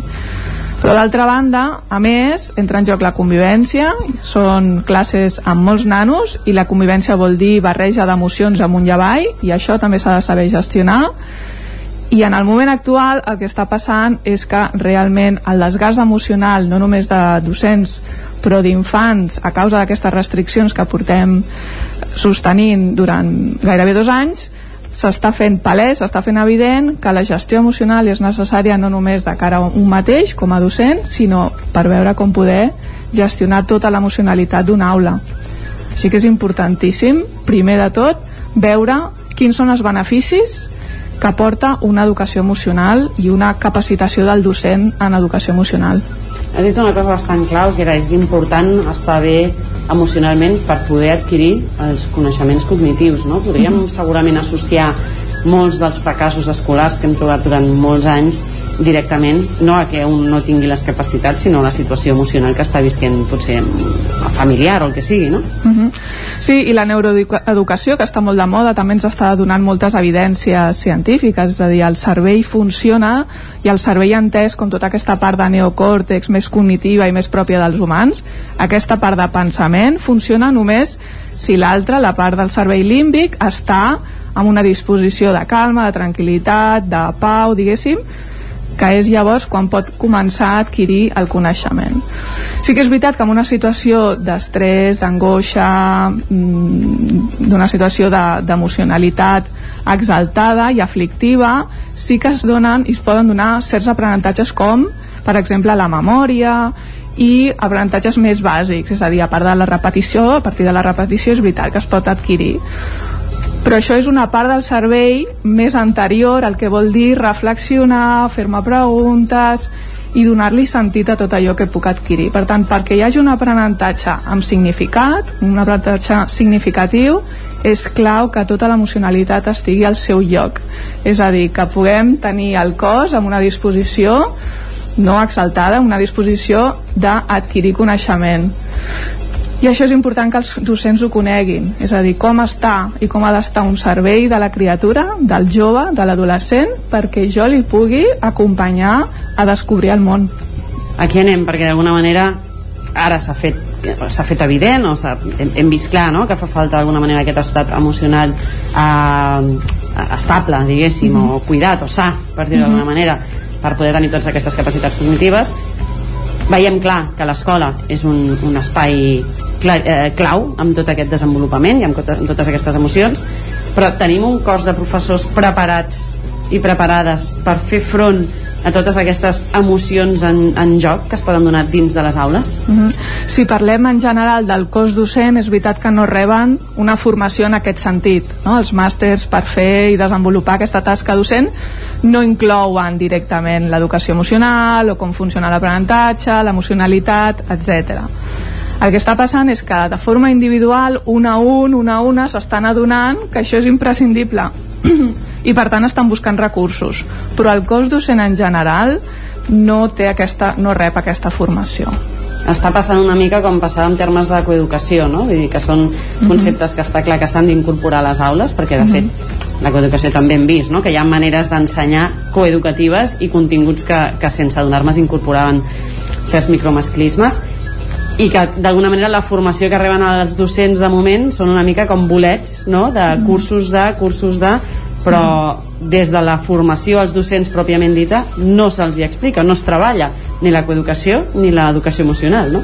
per exemple i, i és veritat que com s'està fent tan evident aquesta necessitat des de la nostra organització que té aquesta coletilla de pública no? cultura emocional pública el que volem és que les institucions se n'adonin que és imprescindible portar a nivell general, a nivell d'educació pública i d'educació general, aquesta formació de capacitació emocional dels docents i les docents. Perquè de moment ara el que està passant és que escoles que sí que ho veuen clar estan rebent aquesta formació o prof professorat individual està rebent aquesta formació. Però igual que amb la coeducació això ha de ser una política pública general i extesa a tot el territori com capacitem els nostres docents, Quim? Perquè això, crec, m'imagino, eh? i crec que amb coeducació passa una mica el mateix, que és una formació que per rebre-la has d'estar molt disposat també, eh, més enllà de que t'ensenyin una fórmula química. O sigui, al final és una cosa que no va amb un dossier, sinó que és molt, molt més vivencial, suposo. Mm -hmm. Quan a vosaltres us criden d'una escola i us diuen eh, volem que els nostres docents eh, rebin informació amb això, què feu? Com intercediu? Com, com us ho feu per realment canviar les coses dins aquella escola? Mhm. -huh. Primer, la, la part de direcció ho ha de tenir clar, quin és el seu projecte educatiu, i entrem en escoles on és aquesta direcció la que demana i creu que és necessària per la seva escola i o pel seu institut. I a partir d'aquí, lògicament, en un claustre que és divers, hi haurà persones que estan més convençudes i hi ha menys, però sí que el projecte educatiu d'escola va en aquesta línia i el que, el que s'ofereix a l'inici de tot sobretot són primer dades que demostren quins són els beneficis i què aporta. Per tota aquesta part cognitiva dels docents que de vegades ens costa acceptar fins que no tenim o números o xifres i després per, eh, passem a aquesta part que és molt experiencial que dius, que és una vivència pròpia de les cinc competències emocionals que són aquestes cinc que desenvolupem en ells i elles a partir d'un model que ve de la Universitat de Barcelona. És a dir, nosaltres partim d'un model que té evidències, que té estudis tant nacionals com internacionals on s'aporten evidències de beneficis molt concrets i amb xifres darrere. És a dir, que capacitar no és només fer un taller o fer un curs, sinó que necessita un model, un model que sigui compartit per tota l'escola, que el professorat primer el conegui a nivell de reflexió i després passar experiencialment per cadascuna d'aquestes cinc competències de la qual partim, que és un model de la Universitat de Barcelona, com deia. Entrem en matèria, o sigui, com estructuraríem si jo mirés el menú del curs que rebria com a docent d'una escola, si heu de venir, què em trobaré? Quantes sessions d'entreguda? De què van? Què es fa aquestes sessions?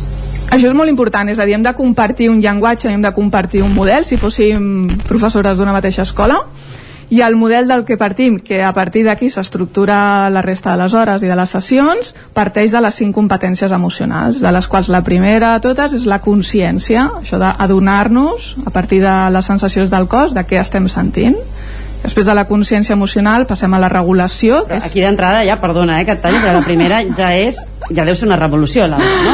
Perquè suposo sí. que et trobes docents de tot tipus i hi haurà mm. qui estarà com més obert no tothom està preparat per parlar d'emocions uh -huh. o per obrir-se en aquest sentit no? vull dir, venim d'una educació on, on moltes vegades això hem dit aquí moltes vegades el, la, el parlar d'emocions o mostrar-se sensible era un símbol de debilitat no? -huh. i es veia la debilitat com una cosa negativa llavors suposo que us deveu trobar en un mateix claustre gent superdisposada a obrir-se i parlar d'emocions i tal, i gent -huh tancada en banda també, no? Clar, el que ha passat és que culturalment el cos, que és, que és on es manifesten les emocions i és on anem a posar més atenció i més observació des de l'inici, des de la primera competència com tu deies, ja està creant una mica de recel perquè culturalment el cos s'ha denostat és a dir, també tenim la idea de quin tipus de religió tenim en aquest territori ens ha ajudat a separar-nos i a potser rebutjar tot allò que experimentem en el cos. I això també ens costa perquè hem, des de fa moltíssims anys hem començat a menysprear tot allò que és experiencial i el cos i hem posat en un pedestal tot l'aprenentatge que és pensament, reflexió, cognició. Però és que les emocions no es poden pensar. Les emocions no es poden analitzar ni es poden controlar que és allò que fa el, neo, el neocòrtex les emocions primer de tot s'han de poder sentir. I aquí és el punt on podem crear mm, pues sí, recels o rebuig o potser incomoditat perquè és anar cap a posar atenció en el nostre propi cos que no tenim ni la costum ni sobretot tenim aquella sensació de estem fent una cosa que és valorable. I és aquí on comencem a trencar motlles i, i on anem cap a un altre tipus de model. És que només començar ja és un xoc d'alguna manera per moltes persones que això, no? que, que les veu d'alguna manera recol·locar. Seguim, què més podem trobar amb aquestes formacions després? Segona doncs, sessió, què seria? No? Doncs, um, en realitat, una competència que és molt important que és l'autoestima la, la trobem en tercer lloc que està dins de l'autonomia emocional però ab abans d'arribar a l'autoestima abans d'arribar a competència social que és com ens relacionem i què vol dir empatia, què vol dir assertivitat, etc han hagut de passar unes quantes sessions. És a dir, nosaltres creiem que un curs introductori merament introductori, és a dir, per trencar una mica recels o per passar i traspassar aquest xoc són 15 hores i quan hem passat aquestes 15 hores que són un curs bàsic tipus de qualsevol escola la persona ja reconeix les emocions no? que això reconeix, ja té tela sap que això és important, comença a entendre i de vegades pensem que en 15 hores ho tenim tot eh? I, i això, això sí que no perquè dura tota la nostra vida però en 15 hores podem dir que tenim un curs introductori i a partir d'aquí es pot profunditzar es pot aprofundir amb com podem fer arribar això que hem experimentat amb nosaltres mateixes a totes les alumnes i alumnes que tenim i estem acompanyant és a dir, no és tan fàcil com aprenc com es fa, per exemple, un, una gamificació i després la porto a l'aula, sinó que requereix un aprenentatge i un incorporar conceptes, però sobretot vivències, que va més enllà de, de tota la part d'aprenc de forma cognitiva. Uh -huh.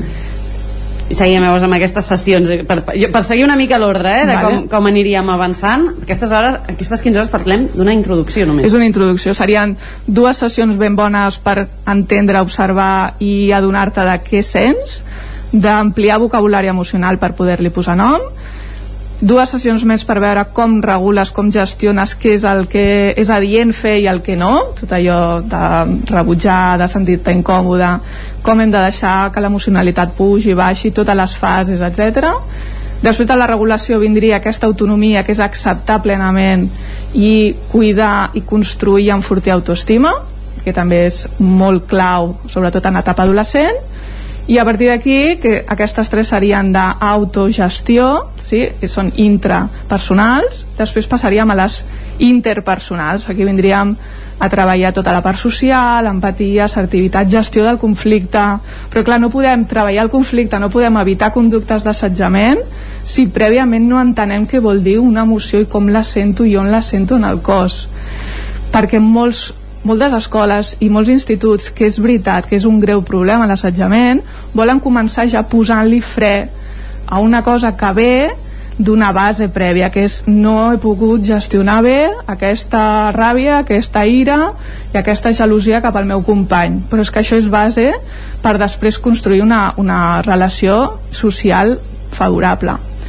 I la competència social és veritat que necessita primer de quatre esglaons previs i, i aquí sobretot ens parem sobretot perquè necessitem més eh, sessions i de vegades aquestes sessions acaben amb competències socials aquestes 15 hores i les formacions que tenen uns docents amb una capacitat d'anar un pèl més enllà afegim la cinquena que és com la, la punta de la piràmide. La punta de la piràmide són les competències de vida i de benestar que és la capacitat de poder decidir quin tipus de persona vull ser quins són els meus valors i que siguin coherents amb la meva actitud i sobretot quin tipus de vida vull construir.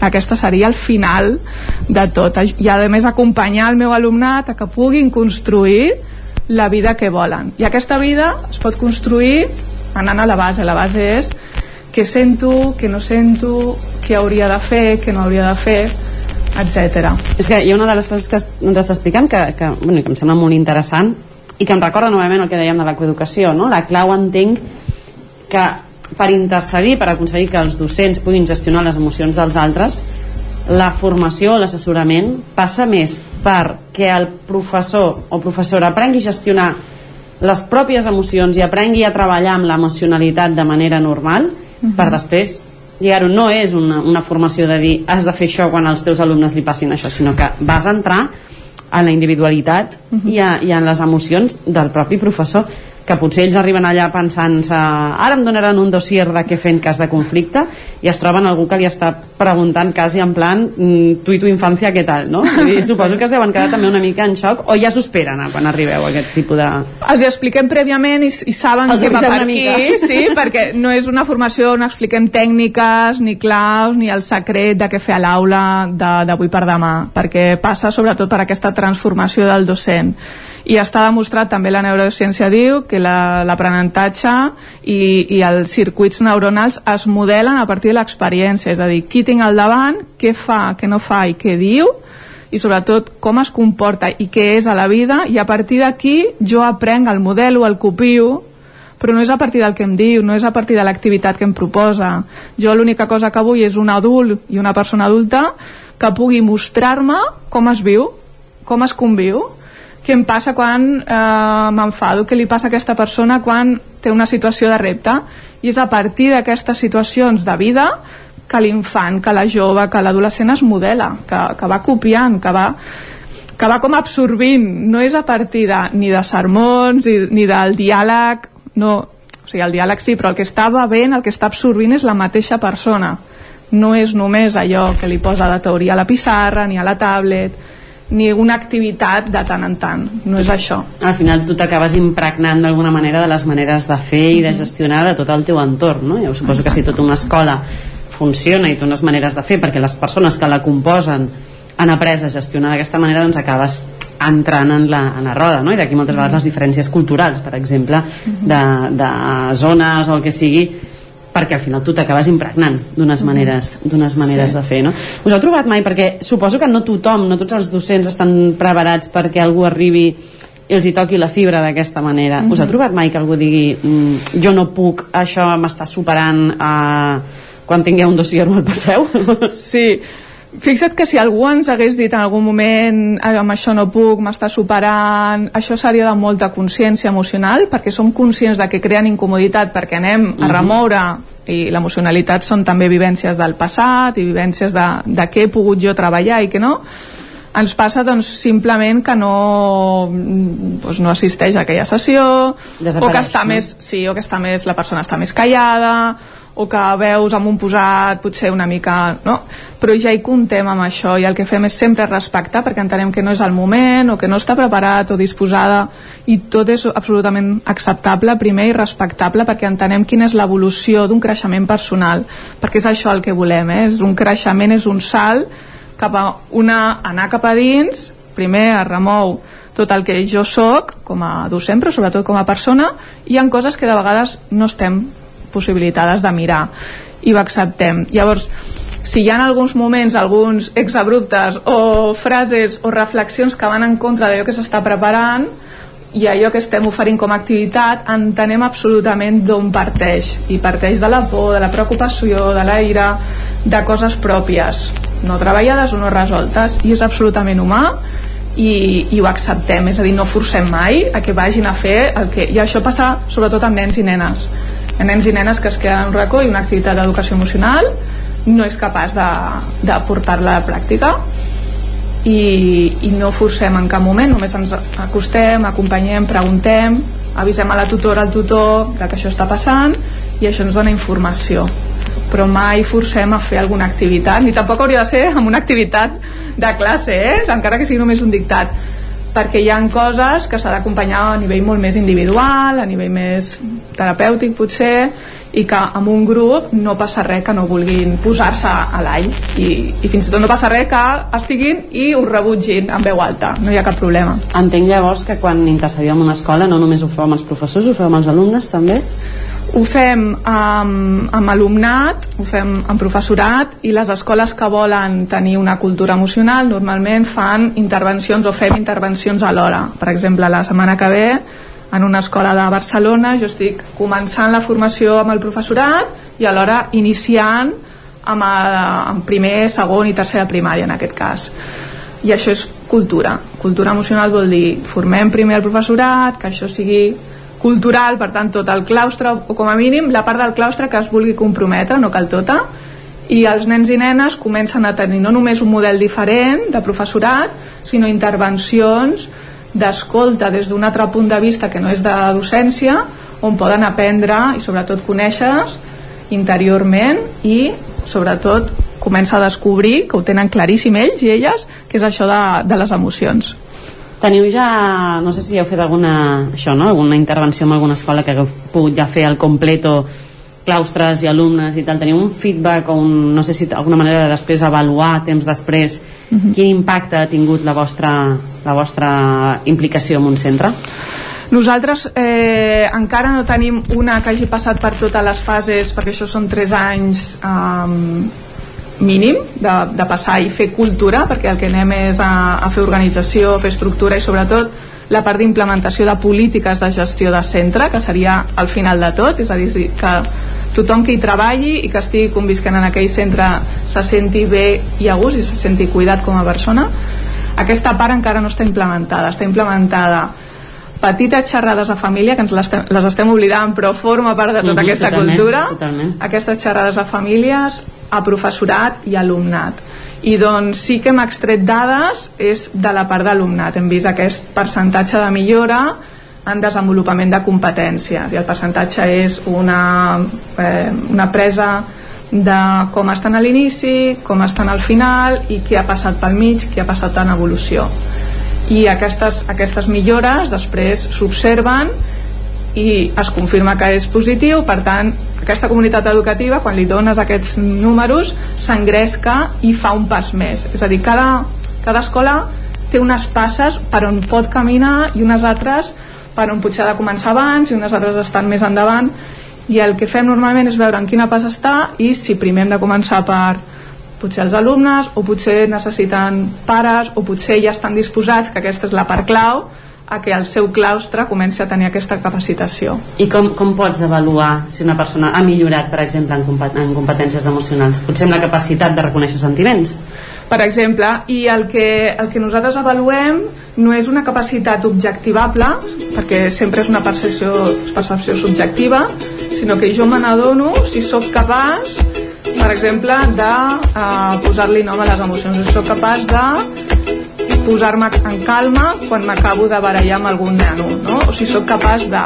Són sempre percepcions, perquè no hi ha un número que sigui objectiu en aquest, en aquest cas. Sí que hi ha molts estudis, i això és universitari, nosaltres no estem en aquest punt, on totes les dades i evidències científiques sí que són objectivables nosaltres estem amb la part d'aquesta de percepció subjectiva, no? si em sento millor, si soc capaç de relaxar-me, si tinc més atenció a l'aula, si puc estar més concentrada a l'aula, tot això és que se n'adoni el propi nen i la pròpia nena.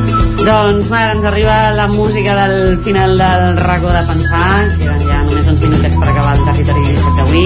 Moltíssimes gràcies per acompanyar-nos un cop més. Gràcies a tu. Per poder parlar tan obertament d'emocions i de la tasca que encara ens queda per fer les aules. Gràcies, Maria. Moltes gràcies, companys. Us torno el relleu cap a Vic. Ens veurem la setmana vinent amb un nou racó de pensar, un nou tema, una nova tertúlia i a seguir intentant fer-ho cada vegada una miqueta millor.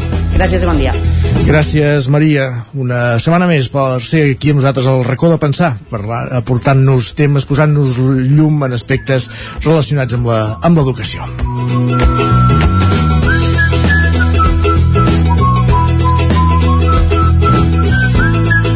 I amb el racó de pensar arribarem al final del programa d'avui, d'avui dimarts, 1 de febrer, 1 de febrer de l'any 2022. El, arribem a la recta final del Territori 17, un programa que començàvem a les 9 del matí amb les notícies, en el qual hem parlat amb uh, un dels representants de Cine Club Vic, amb Sergi Calle, de, sobre la nova programació que avui comença a partir de les 8 a l'ETC en Fair Cou, la primera projecció d'aquest cicle des d'ara fins al juny, 33 pel·lícules en total. Hem passat per la taula de redacció, hem parlat de, de meteorologia amb en Manel Dot, parlant d'aquest l'excepcionalitat qualitat d'aquest mes de gener, fred, eh, càlid al principi i també sense pràcticament ni aigua. Hem parlat d'economia, de la bretxa digital amb Joan Carles Arredondo i ara ho rematava amb el racó de pensar, parlant de la formació emocional de mestres i professors. Acaba un territori 17 que, com dèiem, començava a les 9 en companyia de Pepa Costa, Caral Campàs, Núria Lázaro, Òscar Muñoz, Isaac Muntades, Miquel R, Guillem Freixa, Manel Dot, Joan Carles Arredondo, Maria López, Jordi Sunyer i Isaac Moreno. I tornem demà a la mateixa hora, a partir de les 9. Serem aquí a casa vostra. Bon dia.